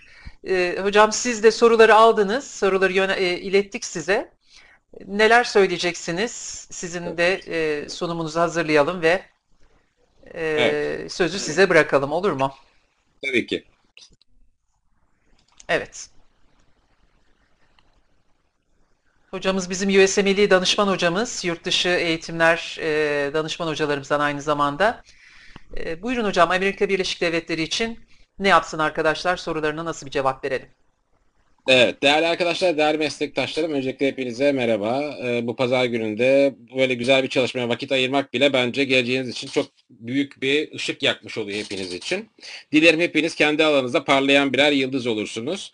Şimdi tıp fakültesinde uluslararası kariyer yapmak, e, her şeyden önce slide başlığını neden böyle koydum onu söyleyeyim. Çünkü Amerika Birleşik Devletleri'nde uzmanlık yapmak ve USMLE yolunu seçmek e, gerçekten de tıpta uluslararası kariyer yapmak anlamına geliyor.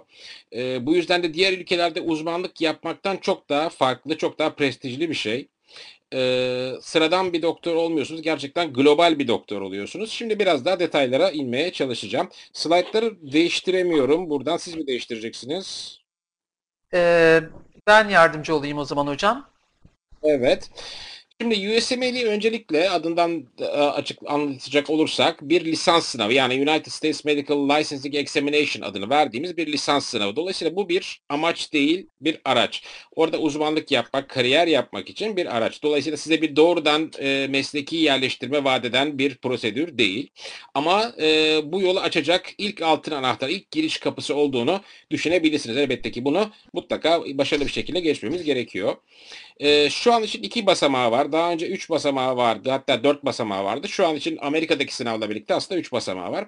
Ee, step 1, Step 2 CK var. Bir de Amerika'daki sınavdan kastım da pratik sınavı değil, asistanlıkta girilen Step 3'ü kastediyorum bu arada. Step 2 bildiğiniz gibi pratik sınavı artık kalktı e, pandemi nedeniyle. Daha sonra match süreci var ve e, uzmanlık eğitimi dediğimiz residency training süreçleri var USMLE içerisinde.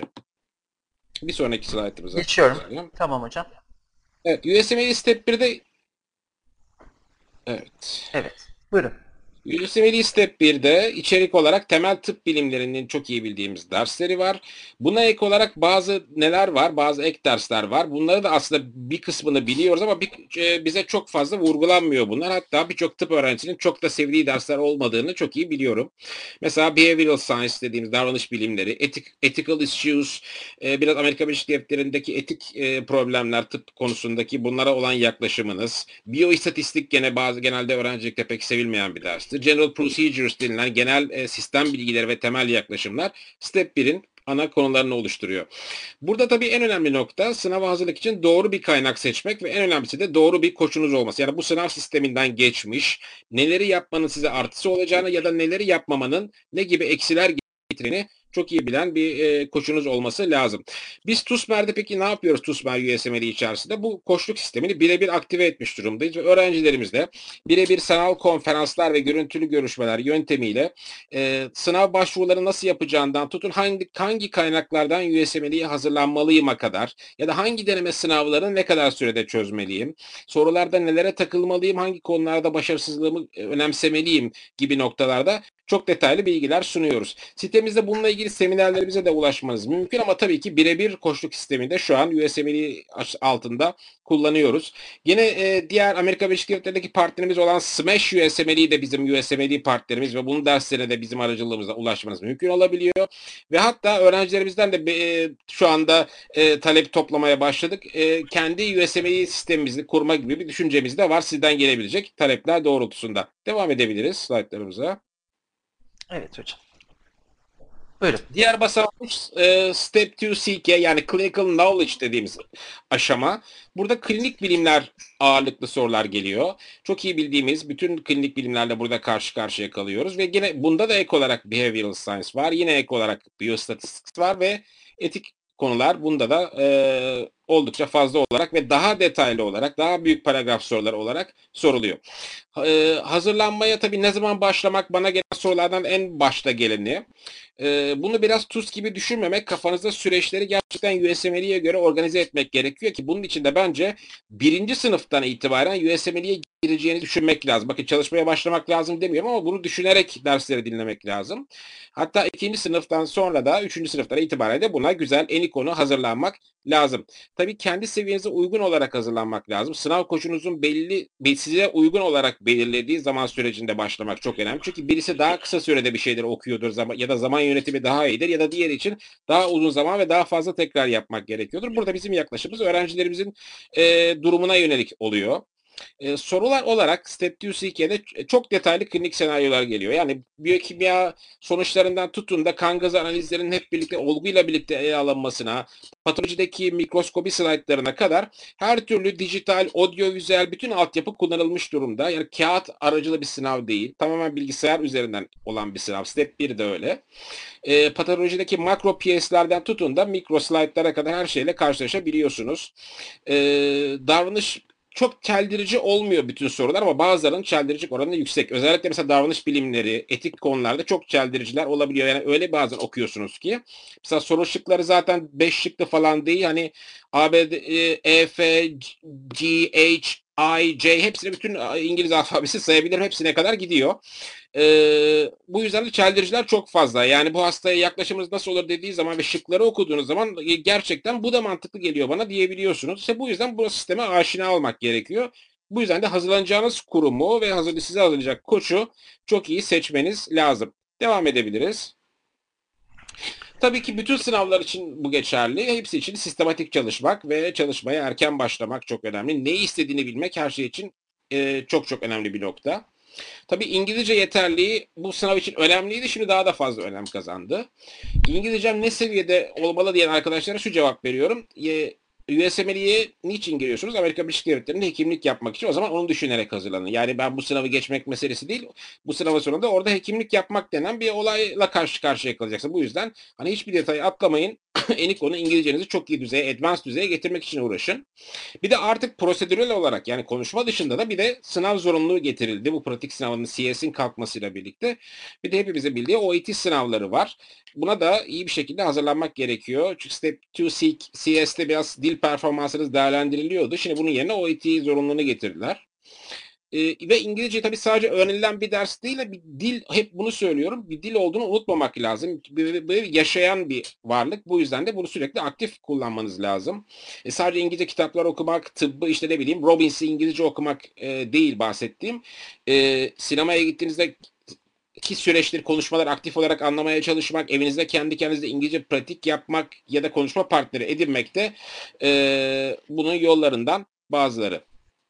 E, şimdi bunun dışında işte e, bir önceki slayta dönebilir miyiz? Tabii hocam. E, bir yaşam biçimi olarak görmek çok önemli. Bunu söylemek istedim. E, bu nedenle işte konuşma partnerinden bahsedip bu tarz çalışmalar yapabilirsiniz. Hatta tıp 1-2'deki arkadaşlarıma en büyük önerim mutlaka konuşma kulüplerine, conversation club'lara katılsınlar. E, İngilizceleri son derece aktif tutsunlar. Mesela haberleri bile yabancı kanallardan izlesinler benim önerim. Devam edebiliriz. Evet, şimdi bu popüler bir soru. IMG'ler yani International Medical Graduates'ler mesela yani biz Türkiye'de tıp fakültesi okuduk. Hangi branşlarda daha çok şansımız var? Özellikle dahili bilimlerde daha çok şansımız var e, değerli meslektaşlarım. E, cerrahide şansımız daha düşük. Zaten orada mesela kardiyovasküler cerrahide yapmak isterseniz öncelikle bir genel cerrahi nosyonunuzun olması gerekiyor. Sizi genel cerrahi eğitimine tabi tutuyorlar. Ya da nöroşirurji de yapacak olsanız öncelikle genel cerrahi eğitimi alıyor olmanız lazım.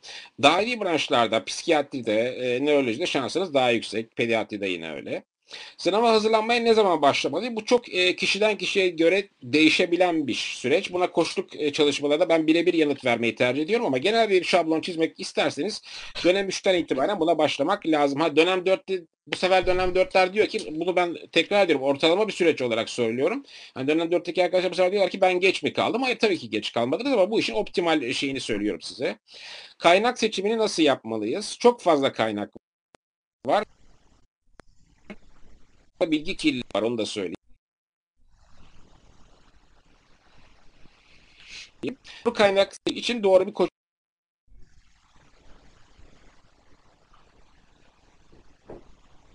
Sanıyorum bir kopma oluyor yayında. Ee, hocam e, duyabiliyor musunuz şu anda? Bir dondunuz. E, evet şu anda hocamızın tekrar bağlanmasını bekleyeceğiz. Ee, bakalım biraz bir iki dakika bekleyelim. Yine çok verimli bir açıklamalar, çok doyurucu bilgiler veriyor hocamız. Kendisi e, bütün stepleri geçmiş bir hocadır. Bunun da altını çizmek istiyorum USMLE konusunda. USMLE danışmanlığı ve e, koçluğu da yapmakta. Evet zannediyorum yeniden yayın almaya çalışıyor arkadaşlarımız belki hocamızın bulunduğu yerdeki internetten kaynaklanan bir sorun olabilir. Ee, eğer öyleyse e, bakalım bağlanabilecek mi? Ee, bir iki dakika sizden izin isteyeceğim. Evet tekrar birlikteyiz hocam. Buyurunuz lütfen. Devam edelim. Mikrofonu açarsanız hocam. Herkes duyabiliyor mu? Evet şu an gayet iyi geliyor hocam. Görüyoruz. görüyoruz. Evet, evet. Evet. E, kaynak seçimi de dediğim gibi bizim kendi partnerimiz olan Smash USML'yi ilk aşamada öneriyorum arkadaşlar ama çok detaylı tabii ki çok fazla kaynak önerimiz oluyor. Bunu birebir danışmanlık süreçlerimize arkadaşlarımıza detaylı bir şekilde yardımcı oluyoruz. Diğer e, popüler bir soru Amerika'da staj ve konaklama nasıl ayarlanabilir? Ee, tabii ki bu konuda da biz öğrencilerimize destek hizmeti, danışmanlık hizmetleri sunuyoruz TUSMER olarak, TUSMER USMLE olarak. Şu anda tabii ki bunlar sekteye uğrayabiliyor çünkü pandemi sürecinde global olarak bütün dünya bunlardan etkilendi ama dijital ortamlarda bununla ilgili mutlaka arkadaşlarımıza yardımcı oluyoruz. Tabii ki bu pandemi böyle sürüp gitmeyecek. Daha farklı çözümler üretilecek. Ee, verimli bir observership süreci nasıl olmalı? Geleceği ve etkiler mi gibi bir soru sormuş bir arkadaşımız. Şimdi observership aslında e, match için bir şart şart değil. Yani bunu kendiniz ayarlamanız lazım. Biz bu konuda da arkadaşlarımıza işte nerelere yazmak lazım, birine e-posta gönderirken, observership başvurusu yapılırken nelere dikkat etmek lazım gibi noktalarda yol gösteriyoruz. Geleceğinizi etkiler mi? Bu size bağlı. Yani orada kuracağınız iyi ilişkilere ya da oradan alabileceğiniz iyi referans mektuplarına bağlı. Bunları başarabilirsiniz, geleceğinizi etkiler. Ama diğer türlü sizin için masraf kapısı olmaktan öteye geçemez. Bu tamamen size bağlı her konuda olduğu gibi. Bugün arkadaşım bu belki de en birinci bana en çok gelen soru. Evet şart arkadaşlar. Yani e, bu konuda da mesela arkadaşlarımız şunu soruyor genelde bu konuda ne yapabiliriz? Hani bu tabii benim koyduğum bir kural değil. Ben hiçbir şey yapamam ama e, siz yapabilirsiniz. Mesela en basitinden gidip dekanınızla konuşup okulunuzun akredite olmasını, bu konuda çalışmalar yapılmasını baş, sağlayabilirsiniz. Mesela dönem 2'deyseniz daha zaman da var. Bu sağlanabilir. Ya da e, akredite olan bir tıp fakültesine yatay geçiş yapabilirsiniz. Bunun iki yol olarak bu görünüyor. Ama mutlaka akredite olmak şart. Yani World Directory of Medical Schools'ta okulunuzun e, yer alıyor olması şartı var ve akredite olması şartı var. Uzmanlığa başlamadan önce Amerika'ya fazla çok fazla değil ama bir miktar gidip gelmeniz gerekebilecek. Görüşmeler için residency interview'ler aşamasında birkaç kere gidip gelmeniz gerekebilecek ama bunlar bir gidişte hepsini görüşme şansı da elde edebiliyorsunuz. Yani o konuda e, biraz daha kafanız rahat olabilir. Devam edelim sorulara.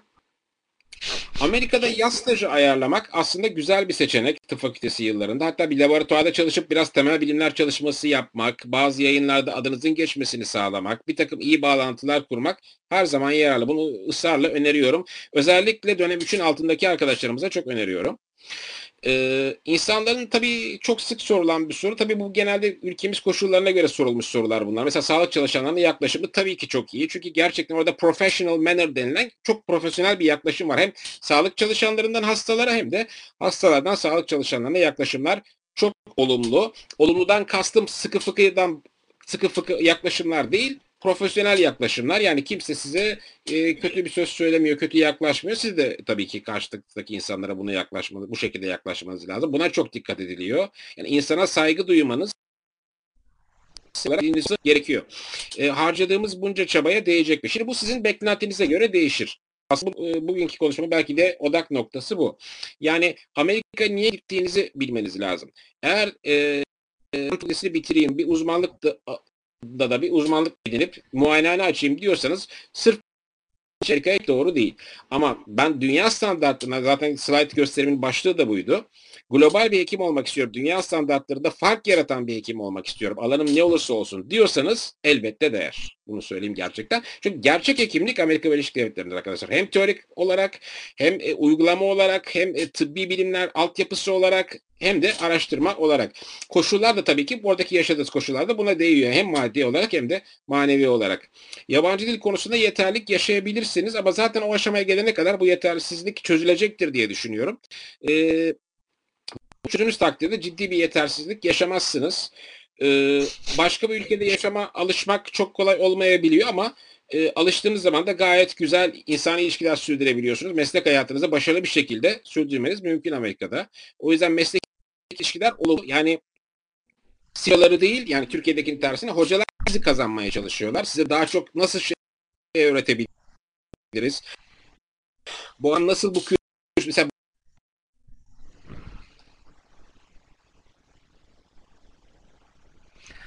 Bana ee, diye hoca size bir ki dönebilir. Duyabiliyor musunuz? Şimdi duyuyoruz hocam. Ara ara sıkıntı oluyor ama e, daha iyi. Daha sonra ülkemize dönebilir miyim sorusu soruluyor. Tabii ki dönebilirsiniz. Global anlamda bir hekimlik yapmaktan bahsediyorum. E, ülkemize, ülkemize dönüp e, bu hekimliği sürdürmeniz tabii. Devam edelim. Bir sonraki slaytımıza geçelim.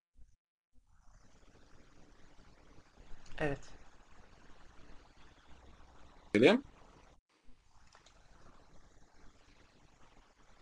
Bu slide mı hocam? Hocam burayı da an, anlatsaydınız. Burada da bir resim var. Yine zannediyorum bir e, kesinti var. E, çok sağlıklı olamadı hocamızla. Evet. bulunduğu ee, yer galiba. internet sıkıntı var. Buyurun hocam. Bir şey göstereyim.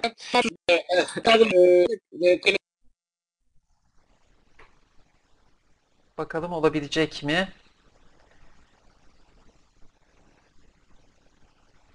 Onur Hocam duyuyor musunuz? Yayında mısınız?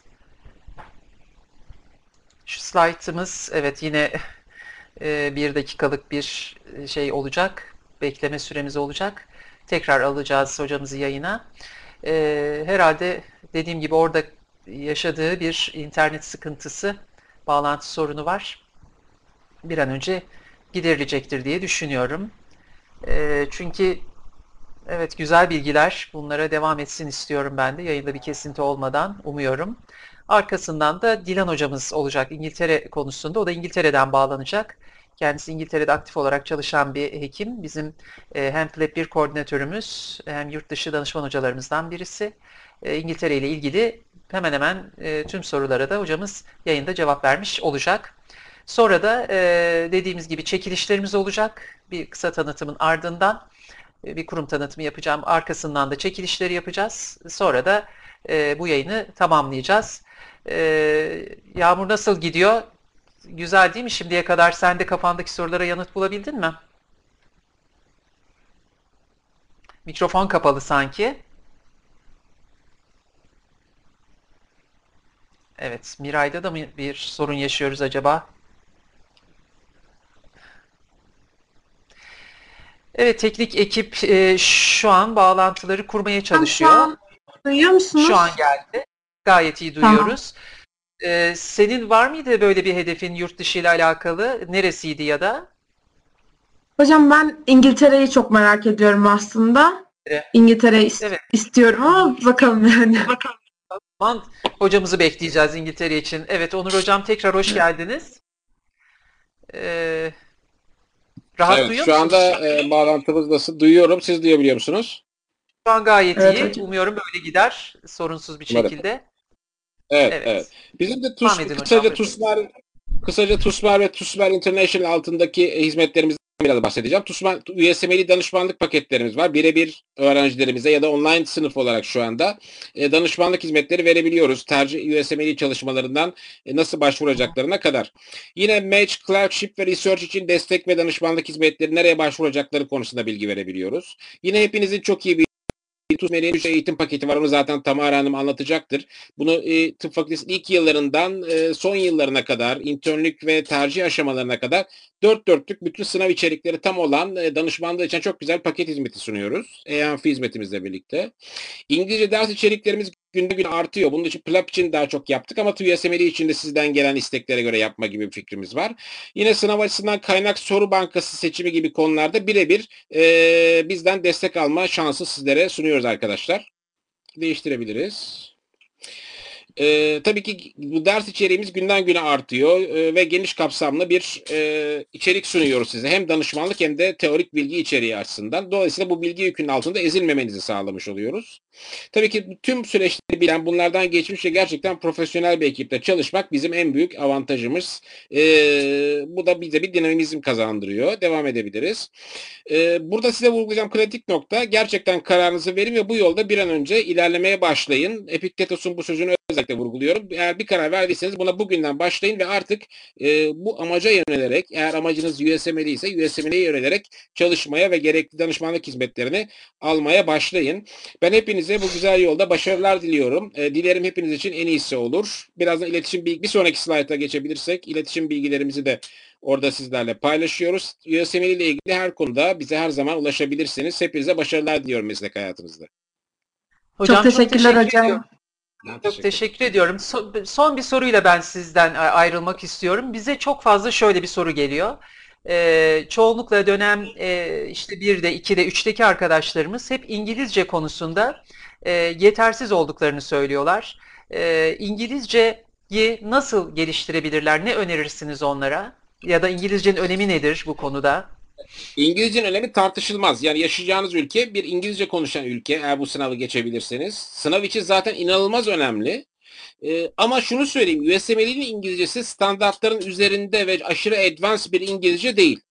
Ee, upper intermediate bir İngilizce çok rahatlıkla USMLE'de soru yapabilirsiniz ama ama öncelikli noktamızda medikal İngilizce bilmesi lazım. Yani genel İngilizce değil ama medikal İngilizceye ağırlık versinler.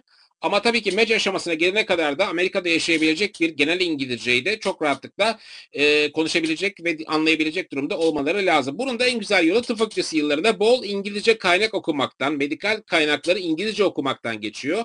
İngilizce tıpta okumasanız bile.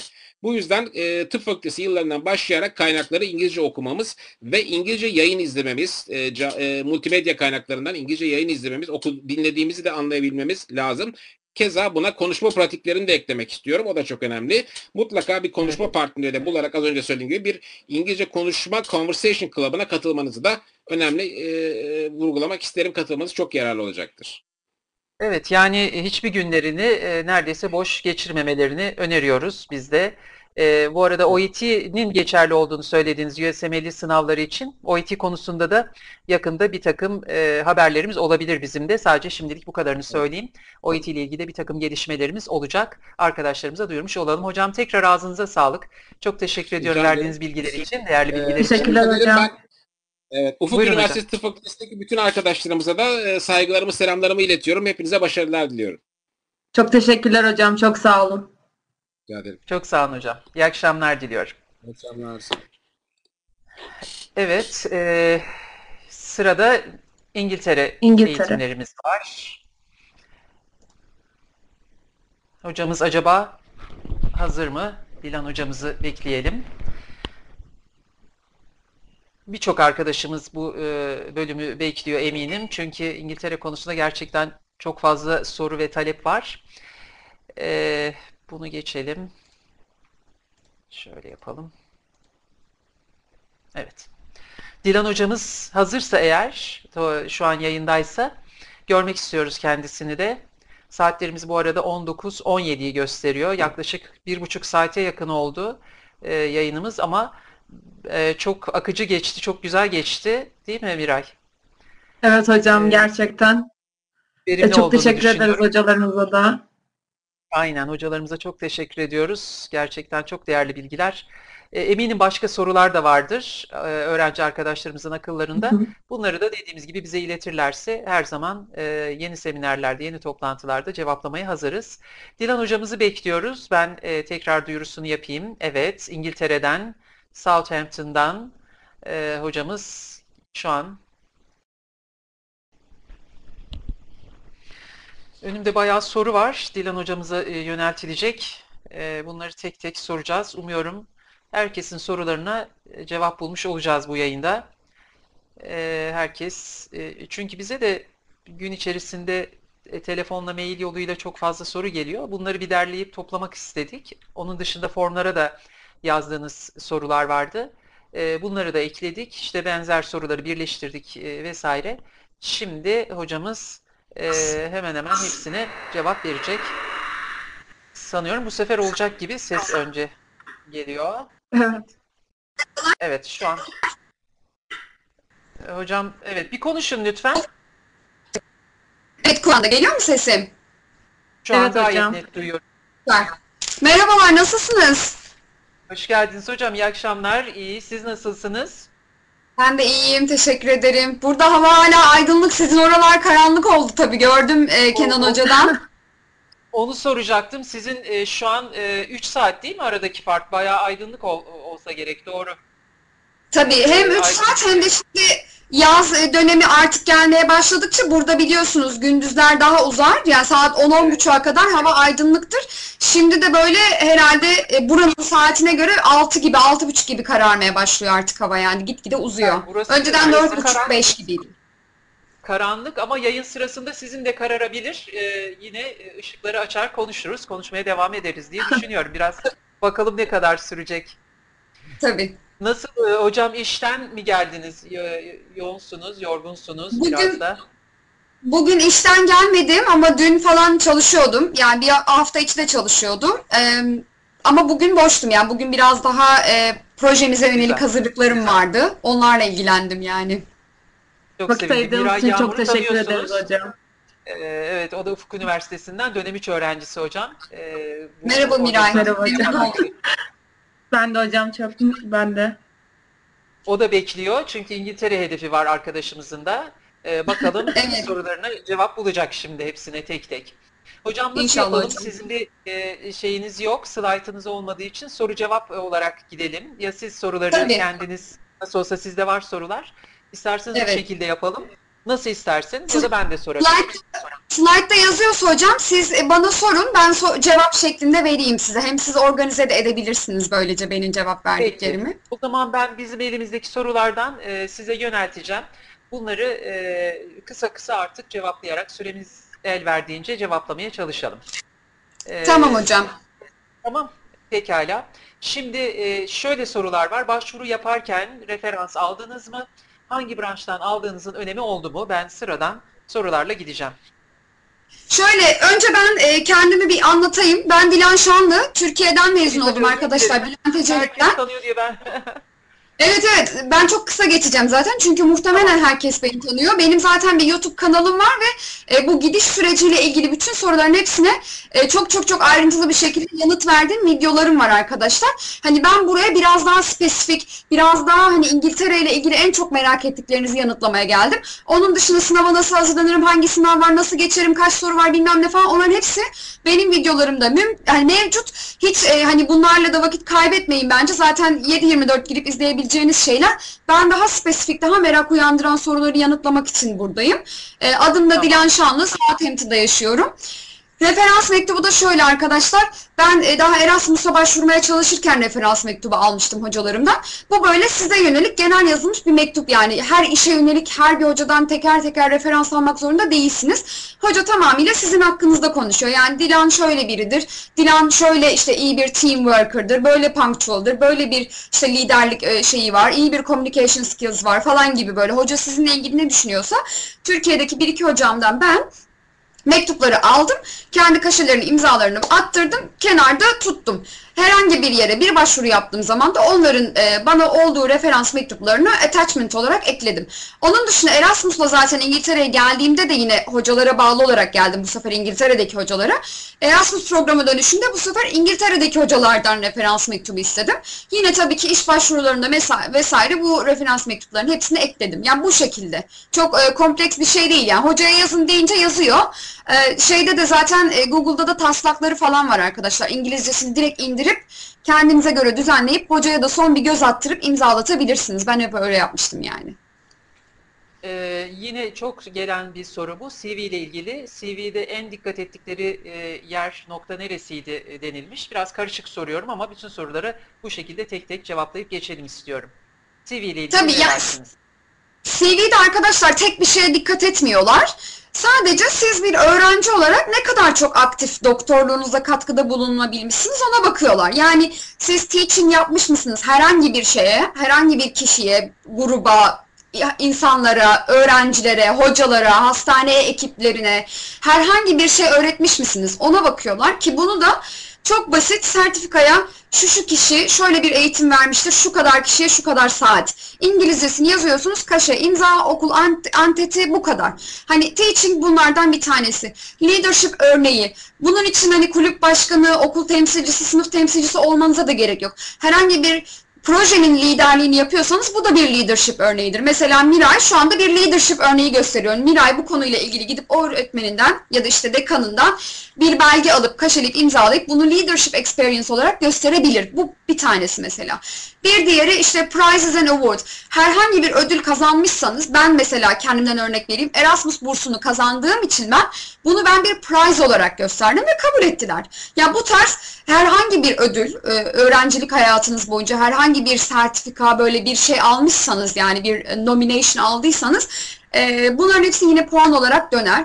Onun dışında e, makale falan şeyiniz varsa hocalar mesela hocalara yardım ettiyseniz abstract kısmını yazmada, data extraction'da yani o hoca makale yayınladığında sizin adınızı da koyacaksa o makaleye bu da bir puandır. Yani bu tarz şeylerin geneline e, bakıyorlar arkadaşlar. Yani kalkıp da e, böyle büyük şeyler yapmanıza gerek yok yani Yandal, PhD bilmem ne falan. Hani siz öğrenci olarak geliyorsanız buraya junior olarak asla yapmanıza gerek yok. Ama bir uzman doktor olarak geliyorsanız ve yüksek title'da başlamak istiyorsanız tabii ki akademik olarak ne kadar şöyle çok şey yaptınız önemli. Yayınınız var mı? Ne kadar çok hasta görmüşsünüz? Ne kadar çok vaka mesela cerrahsanız girmişsiniz?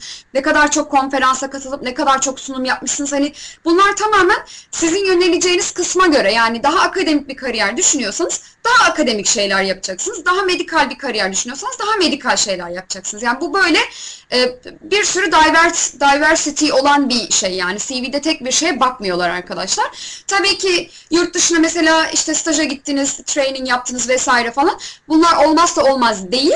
Ama olursa da şık duracak şeyler. Çünkü insanlar diyecek ki evet bu insan gelmiş bizim e, sağlık sistemimizi gözlemlemiş, deneyimlemiş, e, bizi öğrenmeye çalışmış falan diyecekler ve bu sizi bir tık öne atacak. Ama sonuçta sizi en çok öne atacak kısım ne kadar hekim olabildiğinizdir yani. Hani mesela benim zorunlu hizmetim, bir buçuk yıllık acil zorunlu hizmetim beni benim iş bulmamda en çok yardımcı olan şeylerden biri olmuştu. Çünkü ben aktif hekimlik yaptığım için pratik olarak bilgi sahibi olabildiğimi kanıtlayabildiğim bir yol olmuştu benim yani zorunlu hizmetim. E, bu yüzden beni çok rahatlıkla kabul etmişlerdi işe yani. Böyle kabaca anlatayım. Ee, iki, birbirine bağlı e, iki soru gibi görüyorum. Bir, demişler ki neden TUS yerine bu sınava e, hazırlanmayı ve yurt dışında hekimlik yapmayı e, tercih ettiniz?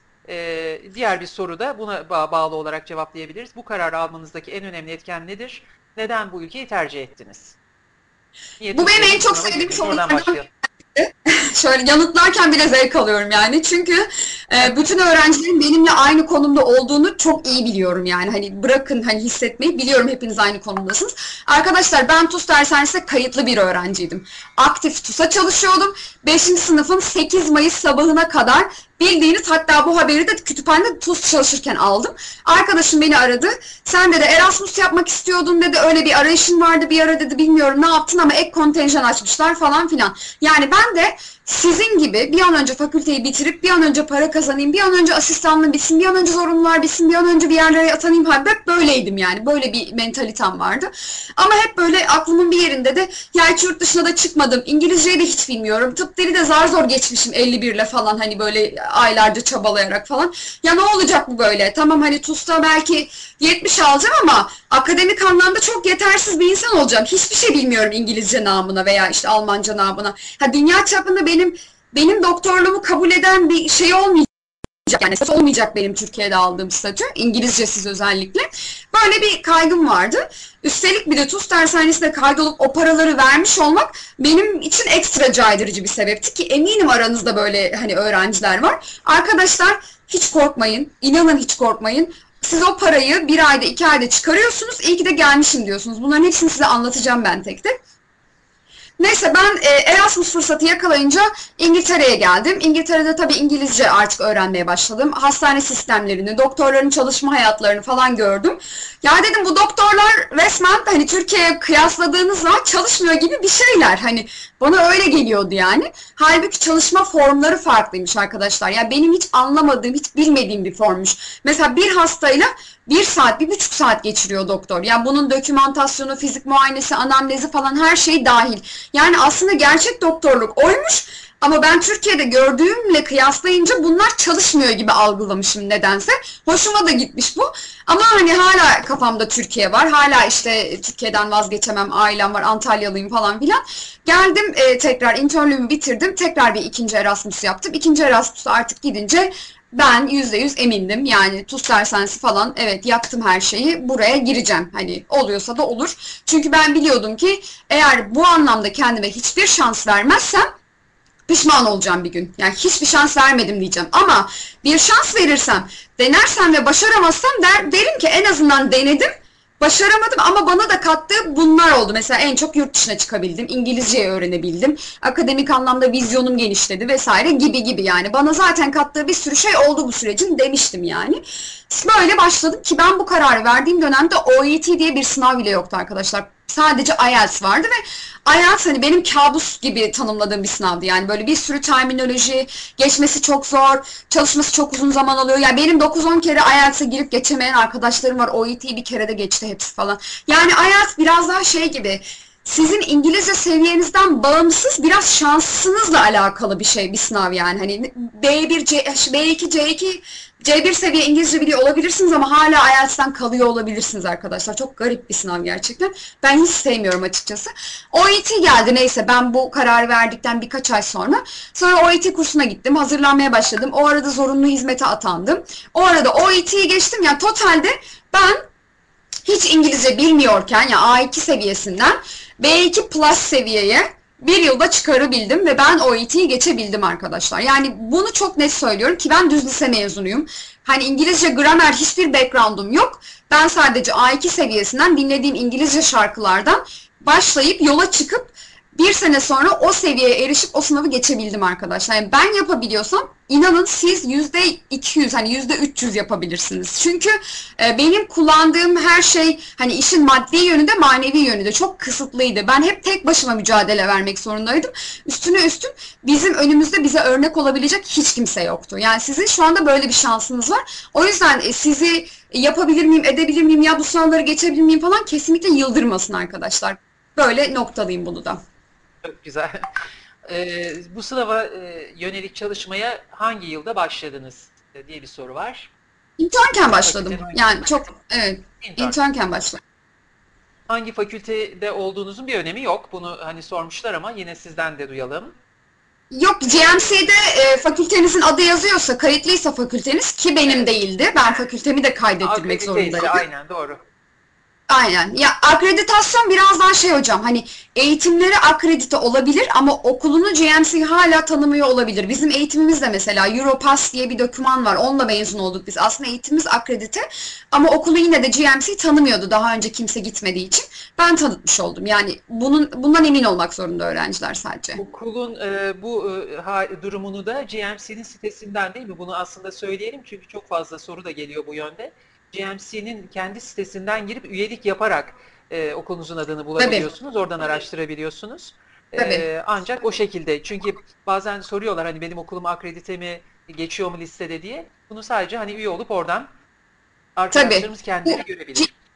GMC'nin web sayfasına girip GMC online kısmından bir account oluşturuyorsunuz arkadaşlar. Orada bilgileri girerken karşınız, karşınıza liste çıkıyor. O listede okulunuzun adı yoksa demek ki e, akreditasyonu hani GMC kayıt sürecini diyeyim yapmanız gerekiyor. Bu anlamda ben zaten koçluk yapıyorum. Ulaşabilirsiniz yani. Çok deneyimliyim gerçekten. Evet. Kendimden Evet, de- bir ton problemi tek başına aşmış biri olarak fazlasıyla deneyimliyim yani arkadaşlar. Kendiniz hallettiniz. Doğru diyorsunuz hocam. Tecrübelisiniz valla.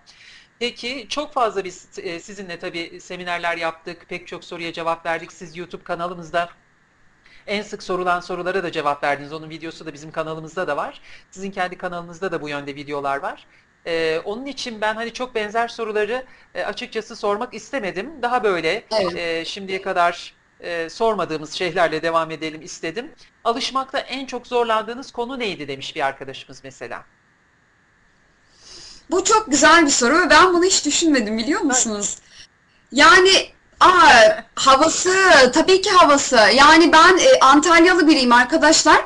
300 gün bizde güneşlidir hava. Şu anda bile 26 derece insanlar denize girmeye falan başlamış. Yani ben burada sabah köpek gezdiriyordum böyle do- donarak gezdiriyordum falan hani 5 derece hava. Havasına gerçekten alışmak zor eğer çok güneşli bir yerden geliyorsanız ama İç Anadolu, Karadeniz, İstanbul'dan gelenler için ben aşırı bir fark yaratacağını düşünmüyorum. Yani benim için farklıydı sadece.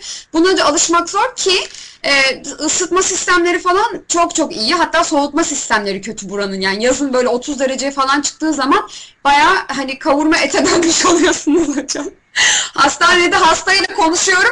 Hastayla şey yapıyorum sırtımdan ter akıyor böyle ve ben çok zayıf bir insanım. Yani çok terlemem falan. Diğer arkadaşların scrubsları su içinde geziyorlar. Hani e, buna alışmak biraz zor. Onun dışında e, ben şeyden çok korkuyordum mesela. Ben Türk yemeklerini çok severim hocam. Böyle kebap işte yağlı sulu evet. falan. Evet, Nasıl evet. bulacağız burada falan? Hocam tam tersi. Burada Türklere ait her şeyi bulabiliyorsunuz. Online da dahil yani kapınıza kadar da hepsi geliyor. Artı burada diğer ülkelerin mutfaklarına dair o kadar farklı lezzetler keşfediyorsunuz ki tabii ki Türk mutfağı hani bambaşka böyle çok güzel bir mutfak ama yani neler kaçırıyormuşum ya iyi ki de yemişim bunları falan diyorsunuz. Yani ben şu an Yani açıkçası? Bir gün Türkiye'ye dönersem Türkiye'de ne yerim acaba diye düşünüyorum. Hani bizim yemekler harici bir şey yemek istersem bulamam falan korkum var yani içimde. Buna alışmak yönünde biraz endişem vardı. Bu da böyle bir deneyim oldu. Onun dışında zaten hastane sistemine alışmak çok kolay. Çünkü zaten Türkiye'den kat be kat kolay ve sizi destekleyen bir sistem. İngilizceye hani belki en başta hani sisteme adaptasyonda zorluk çekmiş olabilirsiniz ama o da maksimum bir ay arkadaşlar. Ben bir ay e, hani neyin nerede, kime, neye danışırım falan onun bir, bir şeyin algoritmasını çözmeye çalıştım bir ay boyunca ki bu herkes için geçerli bir durum. Bir ay sonra canavar gibiydik yani. Herkese her şeyi yaptırabiliyorduk. Hatta ben e, Türkiye'de doğmuş, orada büyümüş biri olarak sistemin açıklarını görüp bir şekilde hani o durumu da lehime çevirip kullanabiliyordum yani. Birçok İngiliz ve Avrupa'dan gelen arkadaşlar yapamıyor öyle şeyleri ben yapabiliyordum. O yüzden çok avantajlı Olmanın konumdaydım. getirdiği bir özellik doğru. Kesinlikle. yani kültürel kültürel anlamda ya da sosyal ilişkiler anlamında bir e, şey olmadı anladığım kadarıyla. Yani e, insan ilişkileri anlamında e, böyle bir zorluk yaşadınız mı? Hocam şöyle, e, ben kendimi şöyle tanımlıyorum. Ben su gibiyim, girdiğim her kabın şeklini alırım. Gerçekten çok net. Yani adaptasyon yeteneğim Evet, gerçekten evet. Ben e, mesela hastaneye geldim Erasmus'la. E, kardiyomiyopati timiyle beraberdim normalde. İki hafta sonra dedim ki biz burada hep kardiyomiyopati görüyoruz. Ben hastanenin diğer bölümlerine de gideceğim hocam dedim. O da git dedi. Takıl kafama göre. Ben respiratory'e gittim, kardiyotorasiye gittim, ITU'ya gittim. E, Dört ay sonunda hocayla kahve almaya çıkıyoruz işte kantine. Ben böyle herkese hi, hello, how are you falan böyle başbakan geçer gibi herkese selamlıyorum. Hoca kimseyi tanımıyor falan. Ve bana dedi ki ya sen daha 3 aydır buradasın. Benden daha fazla insan tanıyorsun. Yani benim çok büyük bir özelliğim bu gerçekten. Hani communication skills, arkadaş edinme falan. E, böyle olduğunuz sürece hiçbir şekilde kültürel de arkadaş yapmada ya bu ister İngiliz olsun ister yurt dışı olsun hiç fark etmez.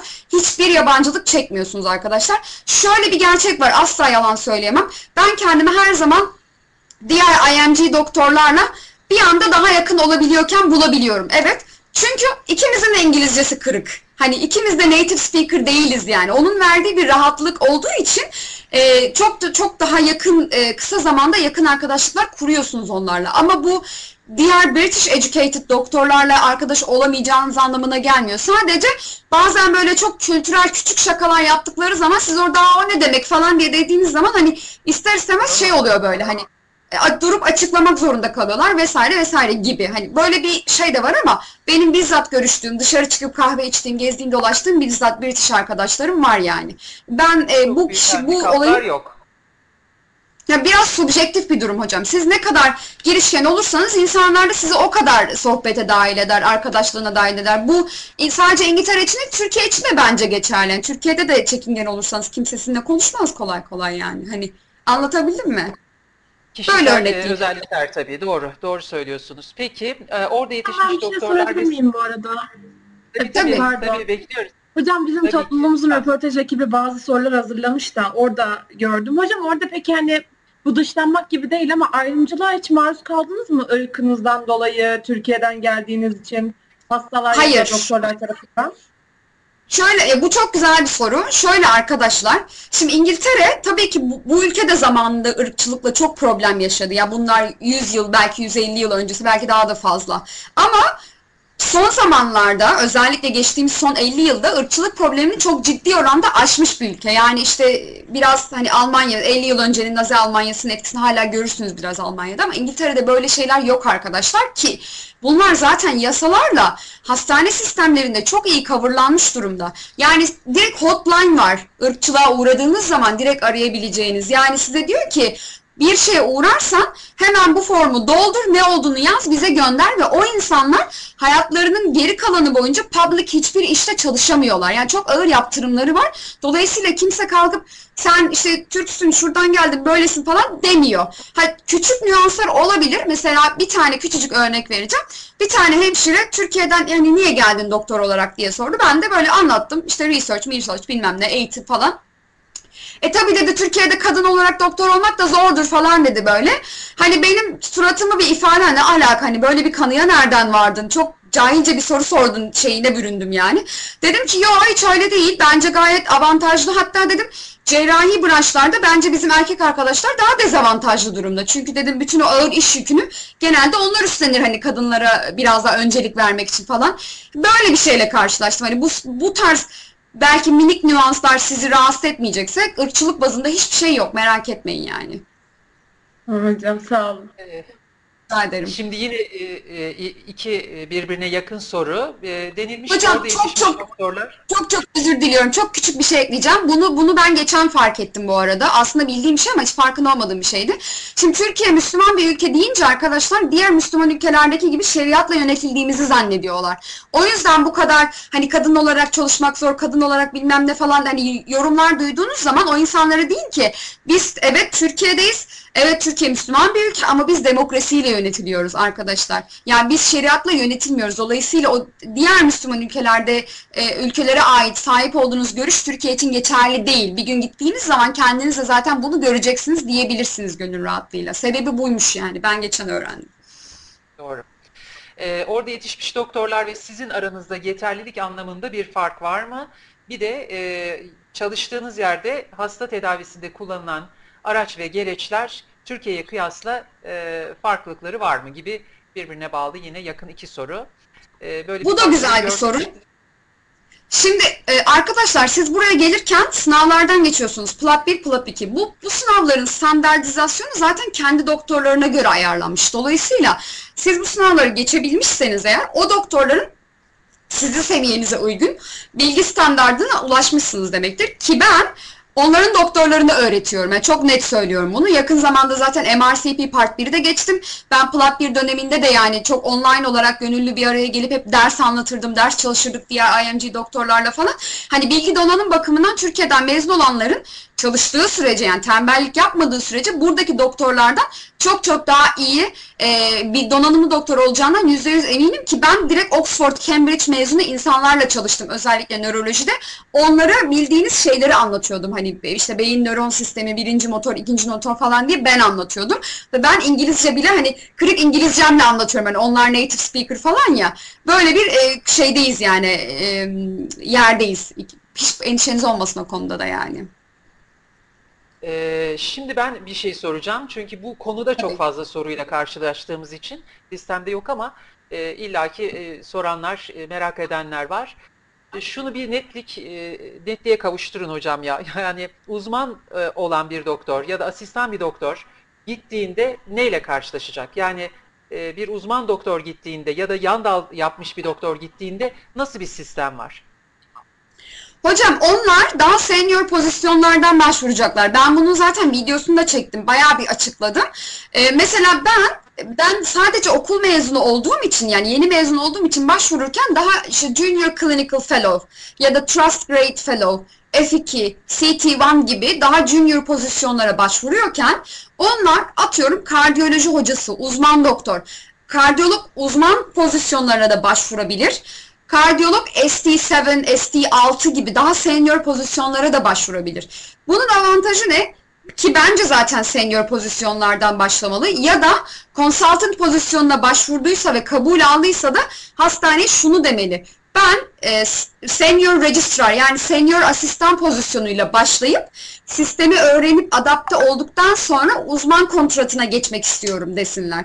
Bunları yaptıktan sonra 5 ay 6 ay kendilerini confident hissedene kadar asistan kısmında çalışıyorlar ki bir sürü support var. Yani bir sürü meslektaşlarından, uzman doktorlardan support olacak.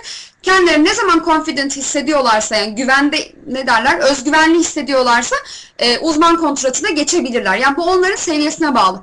Yine birinci, ikinci yıl asistanlar için gene senior pozisyonlar ama daha çok S3, S4 gibi hani e, en senior'ın bir alt senior ama benim de bir üstüm senior pozisyonlara başvuracaklar. Yani bu bu kadar basit aslında. Ee, önemli olan interview esnasında onun negotiation'ını iyi yapmak. Yani sen diyebileceksin ki evet ben 2 yıllık asistanım. S3, S4 pozisyondan giriyorum ama ben senin sistemini bilmiyorum. Dolayısıyla bana 3-4 ay bir müsaade etmen lazım. Yani çok sorumluluk vermemen lazım ki ben o sistemi öğreneyim. Ondan sonra aktif birebir çalışayım.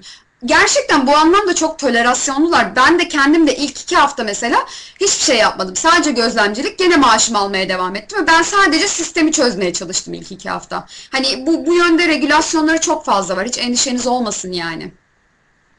Peki, Hocam e, peki öneriyor musunuz orada çalışmayı? Mesela oradaki çalışma koşullarını falan göz önüne aldığımızda oradaki maaşlar e, sizin için tatmin edici oluyor mu? Kesinlikle tatmin edici oluyor arkadaşlar. Ben işin bu kısmına da gelecektim. Birçok insan E, şimdi bu, bu para vermenizin gerektiren bir süreç arkadaşlar. Sonuçta sterlin cinsinden ödeme yapacaksınız. Hani bu, bu sizden biraz para kaybettirecek. Ben net söylüyorum.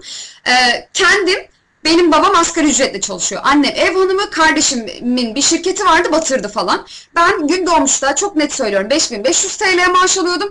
2-3 ayda bir ek ödeme yaparlarsa 1000 lira ek ödeme yapılıyordu. Ve ben o maaşla kardeşime çektiğim kredi borcunu ödüyordum. e, sınav paralarımı ödüyordum. e, Ondan sonra vize paralarımı ödüyordum ve aileme destek olmaya çalışıyordum. Ve ben İngiltere'ye geldiğimde 72 bin lira borçla geldim arkadaşlar. İnanın ne bir eksik ne bir ne bir fazla ve ben 72 bin lira borcu 5 ayda ödedim. 5. aydan sonra artık bütün maaşımı biriktirip hani yatırım için ayırabiliyordum bir kenara. Hani aradaki farkı siz ölçün. Kaldı ki çok net bir cevap vereceğim. Buradan siz anlayın. Buradaki sistemi ben o kadar çok beğendim ve sevdim ki bir gün Türkiye'ye dönmeyi gerçekten istiyorum ama dönersem asla doktor olarak dönmem arkadaşlar. Çünkü biliyorum ki ben bu saatten sonra bu sistemi görüp Türkiye'ye dönersem orada e, yaptığım yorumlarla, şikayetlerle bilmem ne ayda 5 disiplin soruşturması geçiririm muhtemelen. Hani buna gerek yok yani. Hani böyle bu kadar net bir cevap vereyim. Hani siz kendiniz buradan çıkarın artık ne demek istediğimi. Ee, peki mezuniyet e, şartı e, yok değil mi? Öyle biliyoruz. Ee, internken de başvurulabiliyor lab sınavlarına. Evet çünkü 5. sınıfta biz son sınavımızı alıyoruz. İnternlükte artık sınava girmiyoruz. Şimdi dünyanın diğer okullarında internlükte de en son bir final sınavı olabiliyor. O yüzden GMC diyor ki en son sınavına girmişsen PLAB 1 sınavlarına girebiliyorsun. Dolayısıyla Türkiye'de internken PLAB 1'e de PLAB 2'ye de girebiliyorsunuz. Ama bu sizin için mecburi hizmetten kaçmaya teşvik olmasın arkadaşlar. 2-3 ayda olsa 4 ayda olsa mutlaka acil servise özellikle gidin. Çünkü o çalışma deneyimi size iş bulduracak ya daha kısa sürede iş bulduracak. Kaçmaya çalışmayın yani tavsiye etmiyorum. Sadece benim yaptığım gibi daha böyle köylük perifer yerlere gidin mesela gün doğmuş gibi vesaire ki daha az hasta görüp daha çok sınavlarınıza İngilizce çalışmanıza vakit ayırabilirsiniz yani. Yine e, çalışma yoğunluğundan memnun musunuz diye bir soru var. E, işte nöbet sistemi vesaire hepsi bunun içinde olacak şekilde. E, nasıl Evet. memnun musunuz çalışma yoğunluğundan? Çok çok memnunum. Çünkü arkadaşlar burada ben full rotadayım. Yani hafta sonu nöbetim var, gece nöbetim var, gündüz shiftlerim var. Gündüz shifti şöyle, sabah 8, akşam 5 Türkiye'deki gibi ya da işte 8.30-5.30 diyeyim. Türkiye'de siz 8.30-5.30 çalıştığınız zaman 8 saat para alırsınız devletten. Çünkü öğle arasındaki o bir saatinizi devlet size ödemez. Ama burada da 8.30-5.30 çalışırsınız ama öğle arasındaki bir saati devlet size öder. Ayrıyetten de her gün Sanki hani 15 dakikada belki geç çıkarsınız olur ya hani belki hasta devriniz uzun sürer bir iş bitirmek zorunda kalırsınız diye o haftaya total bir saatte ekstra verir. Yani 46 saat çalışma şeyiniz vardır. Ama internet üzerinde başvuru yaparken gördüğünüz maaşlar 40 saat üzerindendir.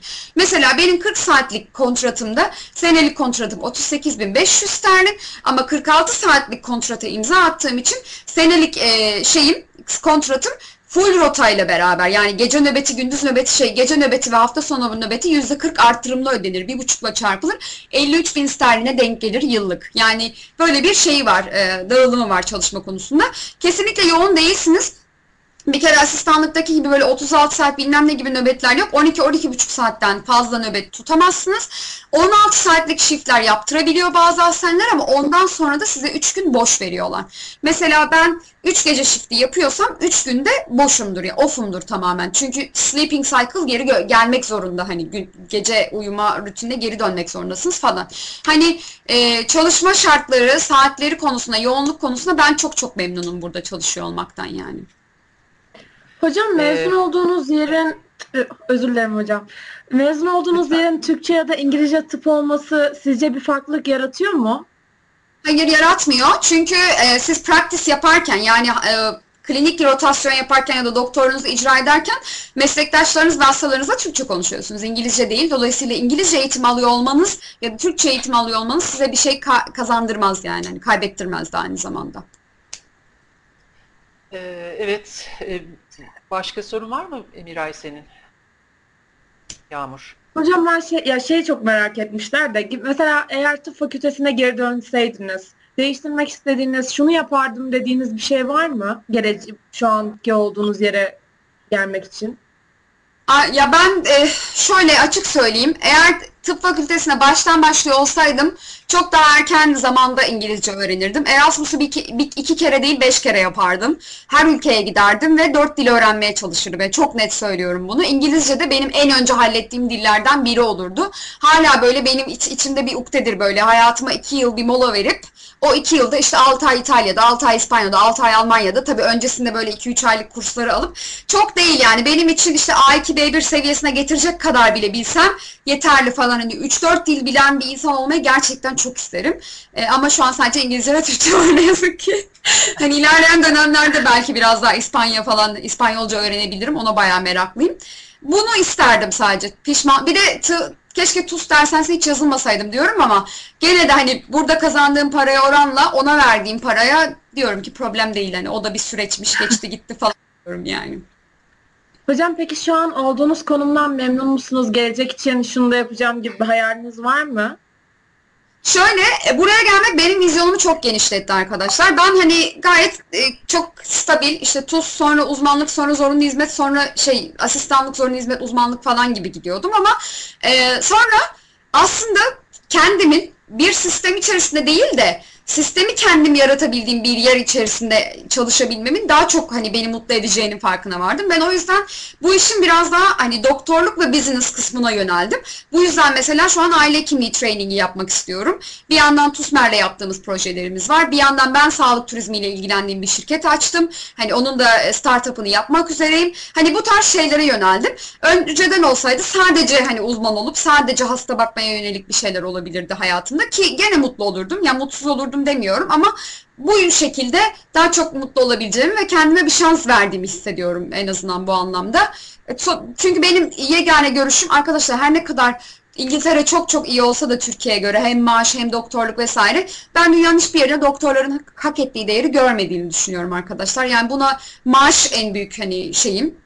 Amerika'da evet belki iyi daha iyi paralar alabilirsiniz ama onda da cerrahsanız alabilirsiniz. Yani bir dahiliyeci bir pediatristseniz İngiltere'deki dahiliyeci pediatristen çok da farklı almıyorsunuz arkadaşlar. Bu da bir gerçek. Sadece Amerika'da özel hastaneler olduğu için hani sonuçta para kazandırmanız lazım. Özel hastane sistemindesiniz. Daha çok çalışıyorsunuz. İngiltere'de siz bir hastada baksanız, beş hastada baksanız aynı parayı alıyorsunuz. Dolayısıyla sizi böyle bir arkadan ittiren, baskı kuran bir sistem yok yani. Siz doktorluğunuzu ağzınızın tadıyla icra edebiliyorsunuz yani.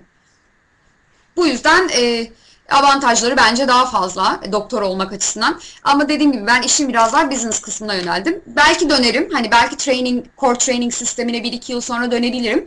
Şu an dediğim gibi zamanında TUS'a çalışırken kendime İngiltere için bir şans vermiş olmak gibi yani aynı aşamadayım aslında. Kendime business klasmanında bir şans veriyorum. Giderse gider, gitmezse 1-2 yıl kaybetmiş olurum ama eminim çok şey öğrenmiş olurum ve rotama geri dönerim yani. Böyle bir şeydeyim, mentalitedeyim şu anda. Teşekkür ederiz hocam sağ olun. Rica ederim. Ee, var mı başka sorun Yağmur? Ben e, bir soru sorayım. Ee, Yok hocam siz buyurun. Ne tavsiyelerde bulunursunuz? Peki artık bununla da yavaş yavaş bitirebiliriz. Yurt dışı hedefleyen öğrencilerimize dil öğrensinler. Çok güzel bir tavsiye. Onun dışında ne yapsınlar? Hocam şöyle, önce bir karar versinler. Çok net. Çünkü e, ben de hayatımın son evresine kadar ya TUS mu, yurt dışı mı, Erasmus mu falan diye böyle çok kararsız. e, bir yandan TUS'a da çalışıyorum ama diğer yandan ne olacak bir bakalım falan diyen biriydim. Bence önce bir karar vermeniz gerekiyor arkadaşlar ve bu uğurda gerekirse yani en kötü ihtimalleri düşünüp ben bir yıl iki yıl kaybederim yeter ki kendime bu şansı vermiş olayım diyebiliyor olmanız gerekiyor. Eğer bunu diyecek cesaretiniz varsa direkt başlayın zaten yurt dışı rotasına. Eğer bunu diyebilecek cesaretiniz yoksa ve daha alt sınıflardaysanız belki biraz daha hani TUS'a yönelik ufak ufak ders çalışabilirsiniz vesaire ama İngilizcenizi mutlaka bir yandan geliştirerek sonra son sınıfa geldiğinizde artık hani e, belki tam olarak İngiltere'ye yönelebilirsiniz ama tabii bu da size 1-2 yıl kayıpla geri döner sadece. Sonuçta PLAP 1, PLAP 2 bunların hepsini bir yılda geçebilirsiniz yani hemen 1-2 ayda geçebileceğiniz sınavlar değil. Hani bu tamamen size bağlı. Benim tavsiyem öncelikle buna karar vermek ve CV'nizi bu yönde geliştirmek olur yani. Evet biz CV ile ilgili zaten bu CV konusunda da bir yayın yapmayı planlıyoruz. E, neler yapılabilir CV'yi geliştirmek için hangi dönemde nelere dikkat etsin öğrenci arkadaşlar. Çok teşekkür ediyorum. Evet. Biraz da e, son olarak da e, biz birlikte neler yapıyoruz? E, bir de bundan kendi açınızdan siz bir bahsedin hocam. Ben zaten detaylı e, birazdan bilgilendirme yapacağım. Tabii. Ya arkadaşlar bu benim çok heyecanlandığım, çok da gurur duyduğum bir proje. Ee, şöyle bir proje. Önce projenin kabaca ne olduğunu anlatayım ve neden böyle bir şeye başladığımı anlatayım size. Çünkü o zaman beni çok iyi anlayabileceğinizi düşünüyorum. Projemizin adı PLAP OET. Çok net PLAP 1 ve OET. OET konusunda zaten Türkiye'de biliyorsunuz doğru dürüst eğitim veren bir kurum yok. Yurt dışına da e, gidip eğitim alabileceğiniz kurumlar var ama birebir gitmeniz lazım ve çok ciddi paralar ödemeniz lazım. Birebir ödemiş biri olarak hani karşınızda duruyorum arkadaşlar. Hani sadece İngilizce öğrenmeye bile ben 2000 sterlinin kesinlikle üstünde hani bence 2500'ün bile üstünde olabilir. Para harcamış bir insanım yani o bir yıllık süreç içerisinde.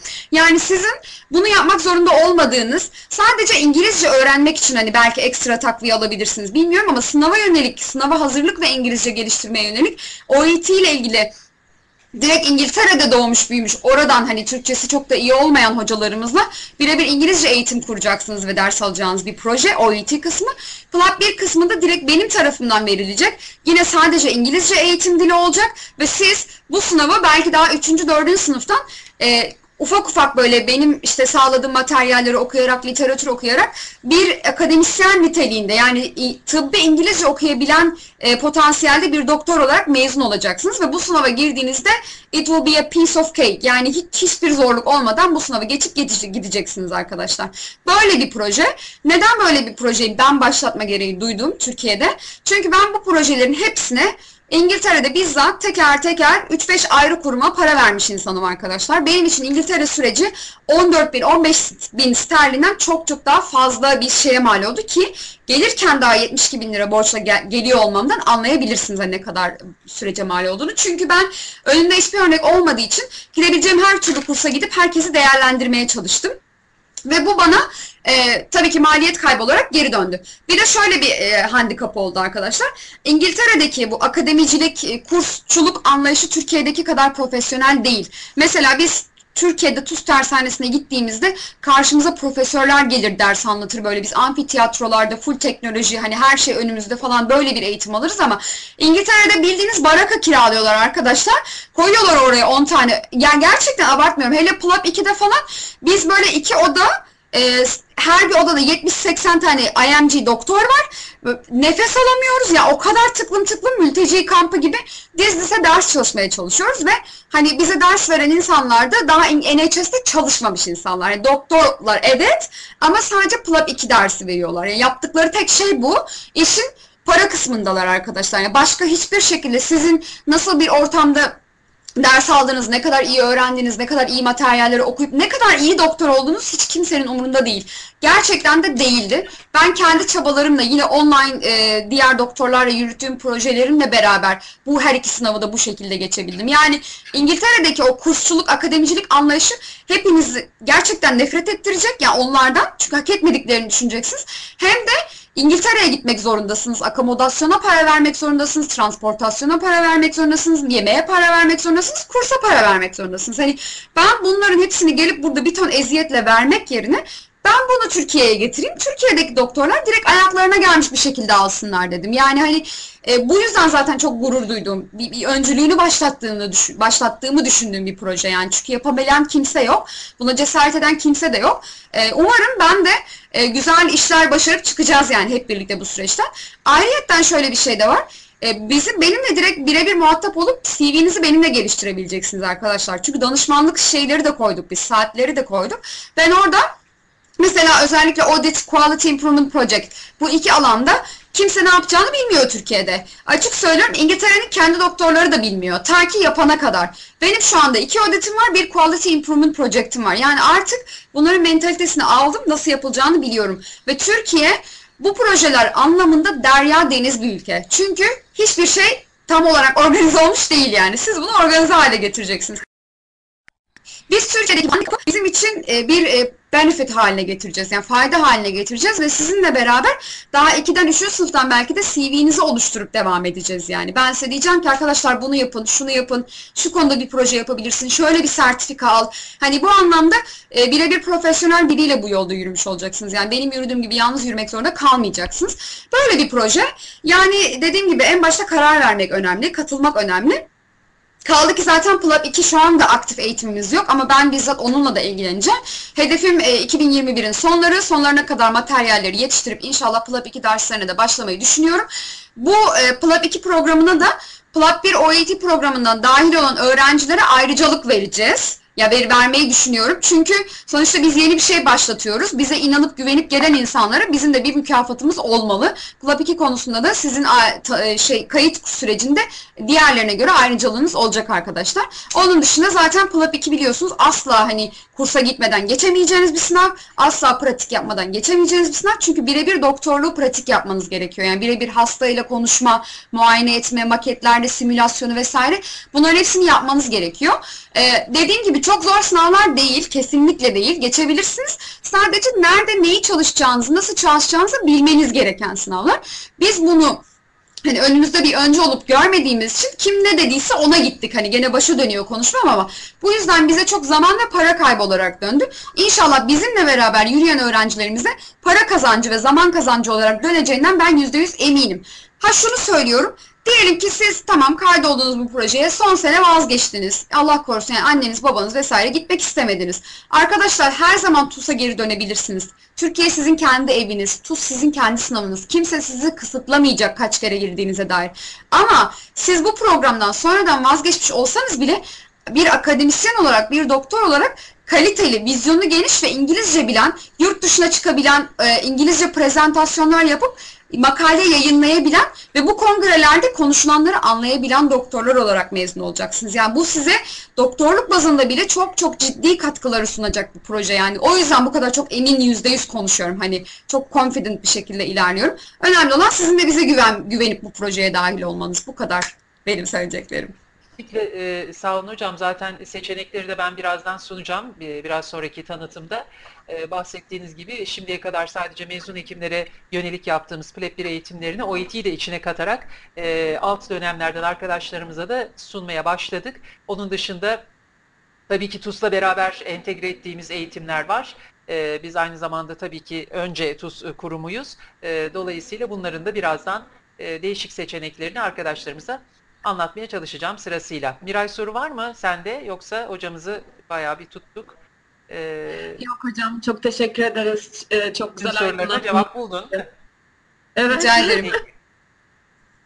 Ee, o zaman çok teşekkür ederim Dilan hocamıza. Ee, hocam ba bayağı e, e, detaylı bilgiler verdiniz, çok güzel açıkladınız her zaman olduğu gibi.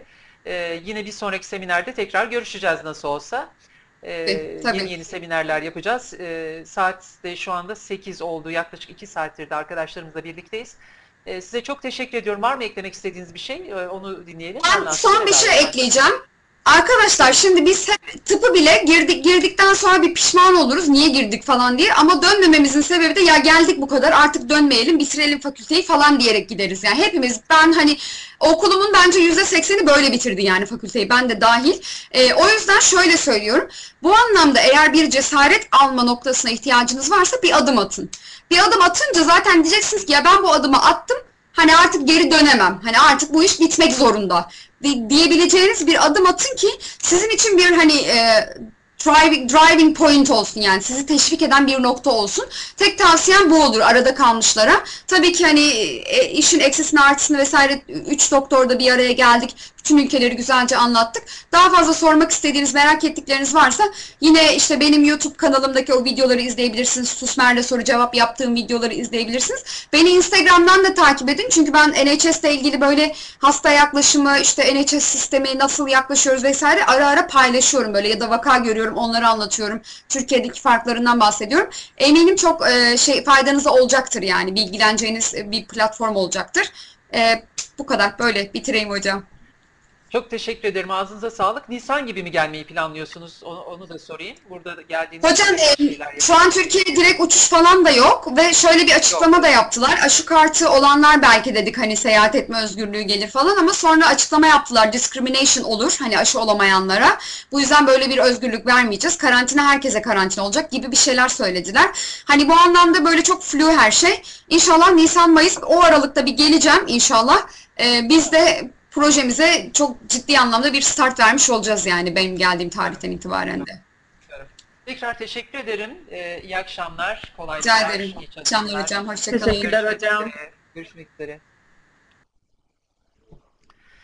Evet, e, Almanya, Amerika, İngiltere dedik. E, iki saattir de hocalarımız sağ olsunlar çok güzel bilgiler verdiler. E, şimdi e, çekiliş olacak. E, tabii ki beklediğiniz yaklaşık 55 kişiye bir eğitim bursu kazandıracağız.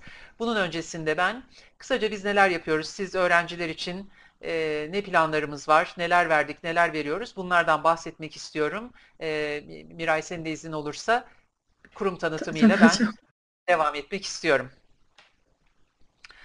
Evet, e, yurt dışında doktor olarak çalışmak e, son yıllarda gerçekten çok cazip bir hale geldi.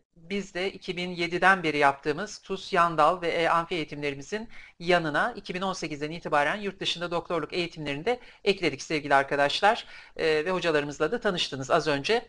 Peki e, siz tıp fakültesi öğrencileri için neler yapıyor TUSMER? Biraz kısaca bundan bahsetmek istiyorum. Öncelikle ekranda görüyorsunuz.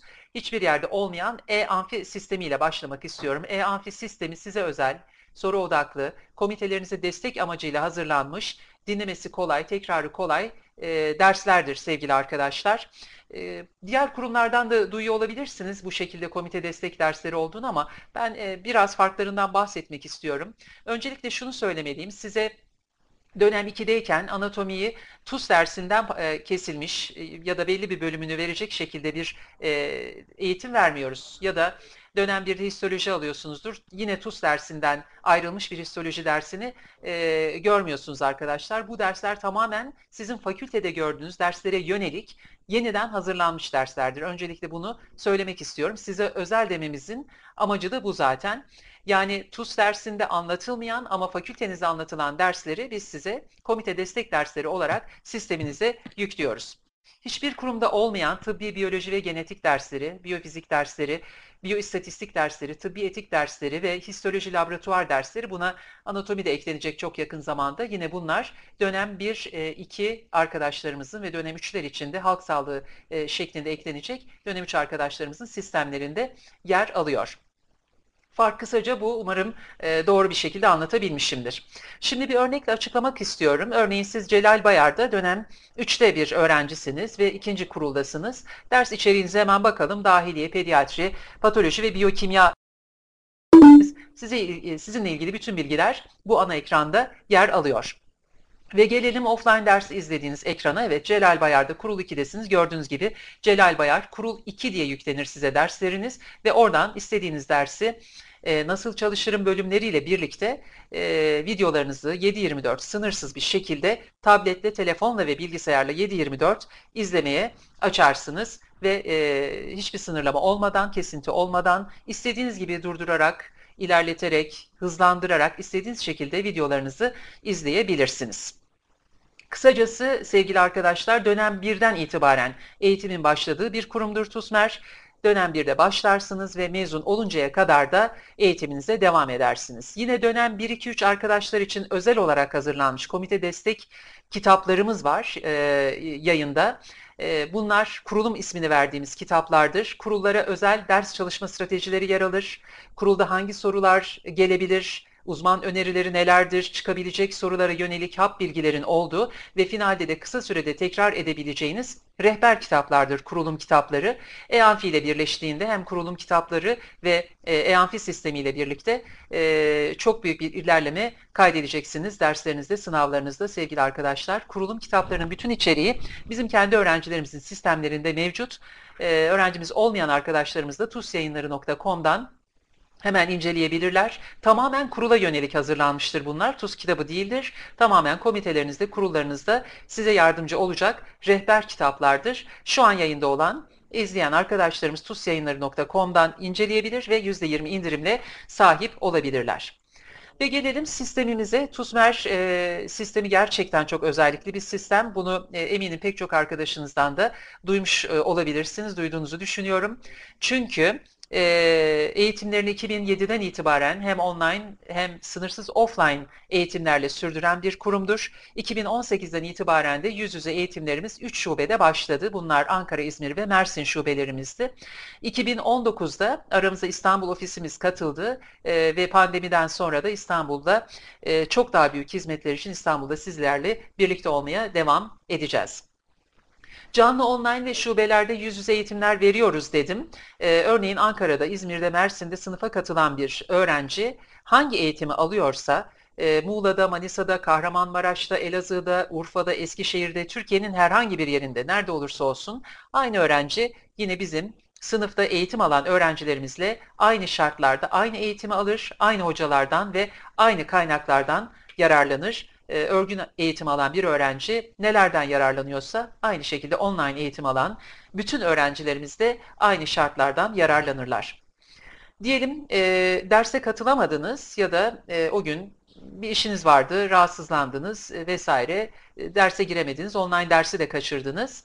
E, aynı dersi, o gün işlenen güncel dersi ertesi günden itibaren sisteminizde offline olarak bulursunuz ve yine bu offline dersi de 7-24 e, izlemeye açılır. 7-24 sınırsız bir şekilde derslerinizi hiçbir aksama olmadan izlersiniz.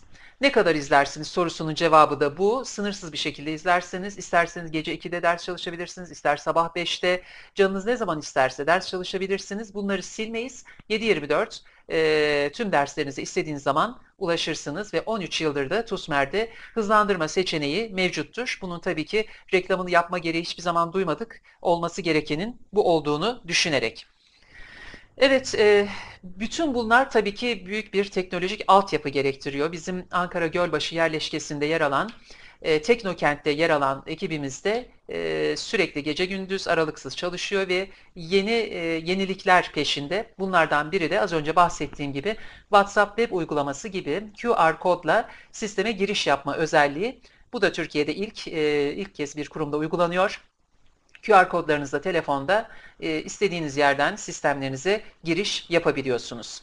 Yine bahsettiğim gibi tüm işletim sistemlerinde iOS, Android ya da Windows, tüm cihazlarda telefon, tablet ya da bilgisayar ve istediğiniz her yerde e, dersleri izleme şansınız oluyor.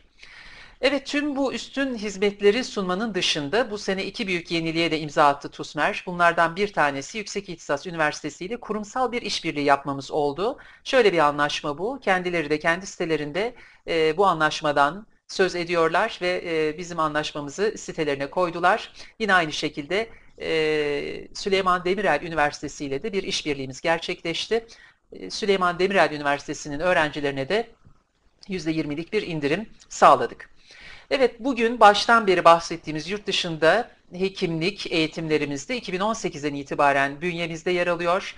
Çok sayıda danışman hocamızla eğitimlerimizi vermeye devam ediyoruz. Amerika'da uzmanlık, e, konusunda Smash USMLE ile anlaşmamız var. Smash USMLE Amerika'nın en prestijli kurumlarından bir tanesi ve TUSMER adıyla giden öğrencilere de %20'lik bir indirim sağlıyor. Çok avantajlı fiyatlarla buradan USMLE eğitimleri alabiliyorsunuz. Ekranda görüyorsunuz kendi sayfasıdır. Kendi sayfasında anlaşmalı olduğumuzu net bir şekilde göstermektedir. Yine aynı şekilde franchise sözleşmemizin de bir örneğini sizlere gösteriyorum.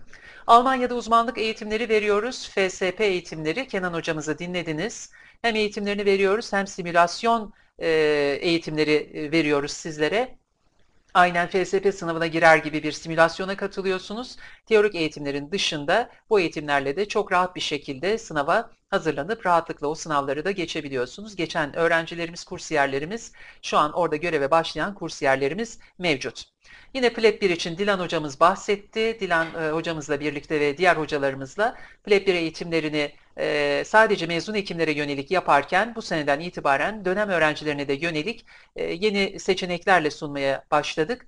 E, bunlardan en önemlisi de kök hücre eğitim paketi sevgili arkadaşlar. Kök hücre adını e, son zamanlarda çok sıklıkla duydunuz, duyuyorsunuz. E, bu şu anlama geliyor. Dönem 1'den itibaren başladığınız eğitimleri dönem 6'da herhangi bir değişiklik olması durumunda TUS diye e, başladığınız yolda yurt dışına çevirebilirsiniz. Yurt dışı diye başladığınız bir yolda TUS'a çevirebileceğiniz bir avantaj sağlıyor sizlere.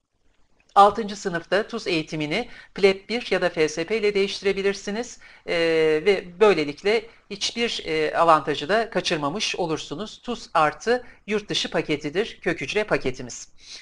Evet, e, hızlıca ve e, elimden geldiğince anlaşılır bir şekilde anlatmaya çalıştım. Yine sorularınız olursa her zaman sorularınızı cevaplamaya hazırız sevgili arkadaşlar. Bu tanıtımın arkasından sevgili Miray e, çekilişimize geçeceğiz. Çekiliş için Teşekkür ederim hocam. Çok güzel var. bir tanıtımdı bizim için de. E, Ben çok teşekkür ediyorum bu işbirliği için. Evet, şimdi çekiliş dedik. Neler olacak çekilişte?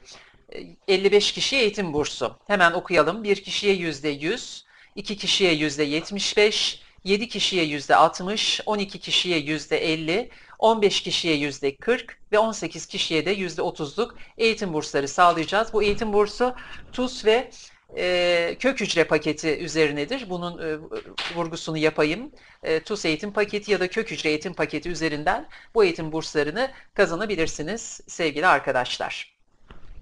Evet, hemen o zaman ben hızlı bir şekilde sizi de fazla bekletmeden bir ekran paylaşımıyla çekiliş listemiz için yine e, şeffaf bir şekilde canlı yayında çekilişimizi gerçekleştireceğim. Öncelikle bir kişiye %100 eğitim bursunu vereceğim. Herkes listedeyken e, bir kişiye %100 eğitim bursunu almak için hemen gidip listemi alıyorum buradan. Evet bu burada bir dursun. İsim listemiz gerçekten çok sayıda başvuru oldu. Umuyorum eee, çok isteyen, en çok isteyen ve en çok ihtiyacı olan arkadaşlarımız da çıkar. Hemen buraya listemizi yapıştırıyorum. Ve de çekiliş ismine %100 eğitim 28 Şubat diyorum. %100 için sevgili arkadaşlar kazanacak kişi sayısı 1. Ee, hemen kazananı belirliyorum. Hayırlı uğurlu olsun. Ee, alkışlıyorum kendisini. Özge Arpaç bizden %100'lük eğitim hakkını kazandı. Hemen ismini buraya alıyorum. Evet, yeni çekiliş yapla devam ediyorum. Tekrar listemizi alalım ve tekrar buraya ekleyelim. Şu anda iki kişiye %75'lik iki kişiye %75 eğitim bursu yine tarihi yazalım 28 Şubat kazanacak kişi sayısı 2 diyorum ve de e, tekrar kazananları belirliyorum.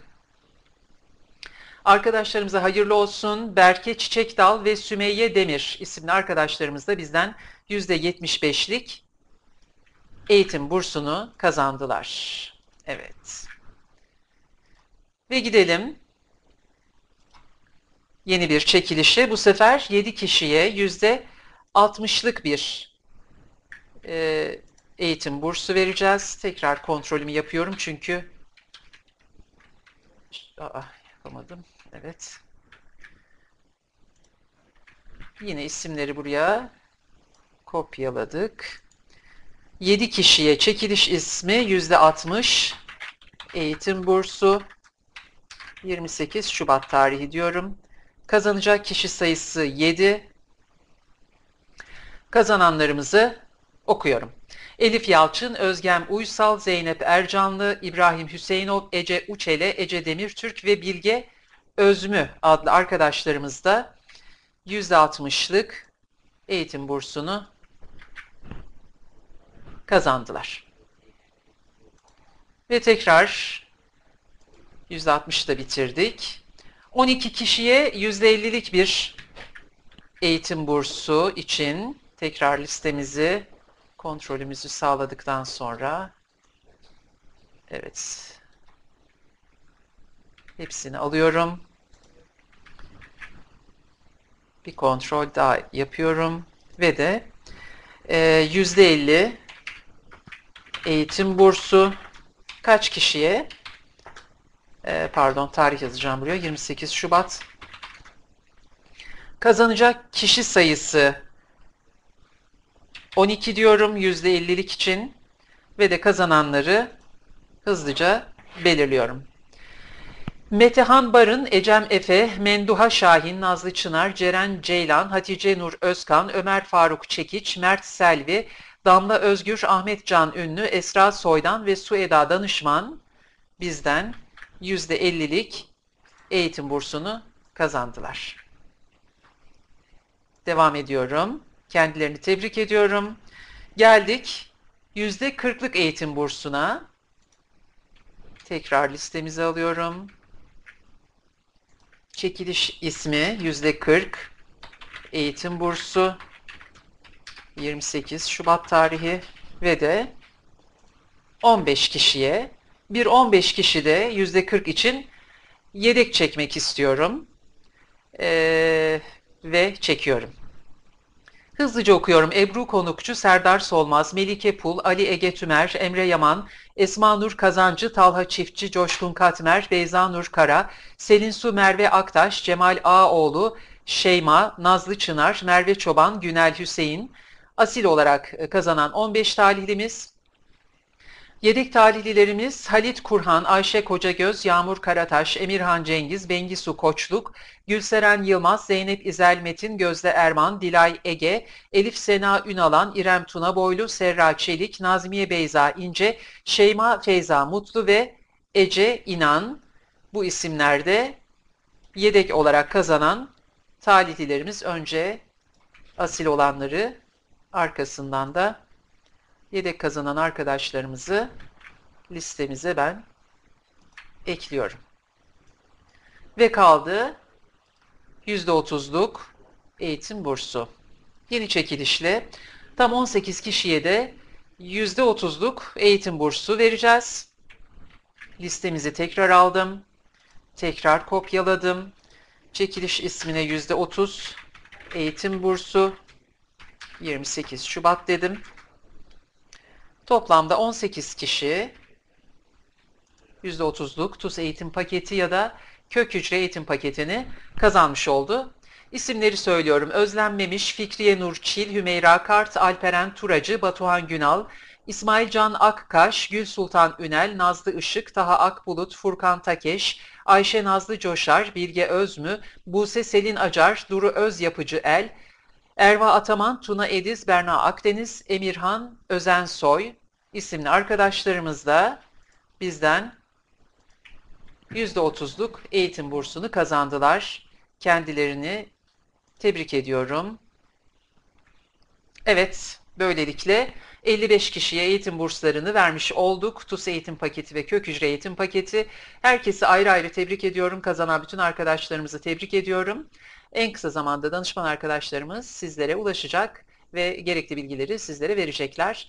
Söyleyeceklerim bu kadar. Ben e, hepinize bütün hayatınızda başarılar diliyorum. Okul, sınav ve meslek hayatınızda. Bu güzel etkinlikte yer aldığımız için de çok mutluyum. E, tekrar ben Ufuk Üniversitesi e, Bilim Topluluğu'na çok teşekkür ediyorum. Senden de e, cümlelerini alayım e, Miray. Ondan sonra da vedalaşalım. Hocam öncelikle etkinlik e, te bize katıldığınız için, işbirliğimiz için çok teşekkür ederim ben size. Çok güzel bir etkinlik olduğunu düşünüyorum. E, hocalarımıza da değerli vakitlerini bize ay- ayırdıkları için çok teşekkür ederim. Aynı zamanda katılımcılara da teşekkür ediyorum. E, teşekkürler genel olarak. Çok güzel bir etkinlikti benim için. Devamı gelir umarım. İnşallah yeniden birlikte oluruz başka etkinliklerde. Bütün arkadaşlarımıza Evet. sevgilerimizi sunuyoruz TUSMER olarak. Kendinize çok iyi bakın. İyi akşamlar, kolaylıklar, İyi akşamlar başarılar. hocam. İyi akşamlar, iyi akşamlar.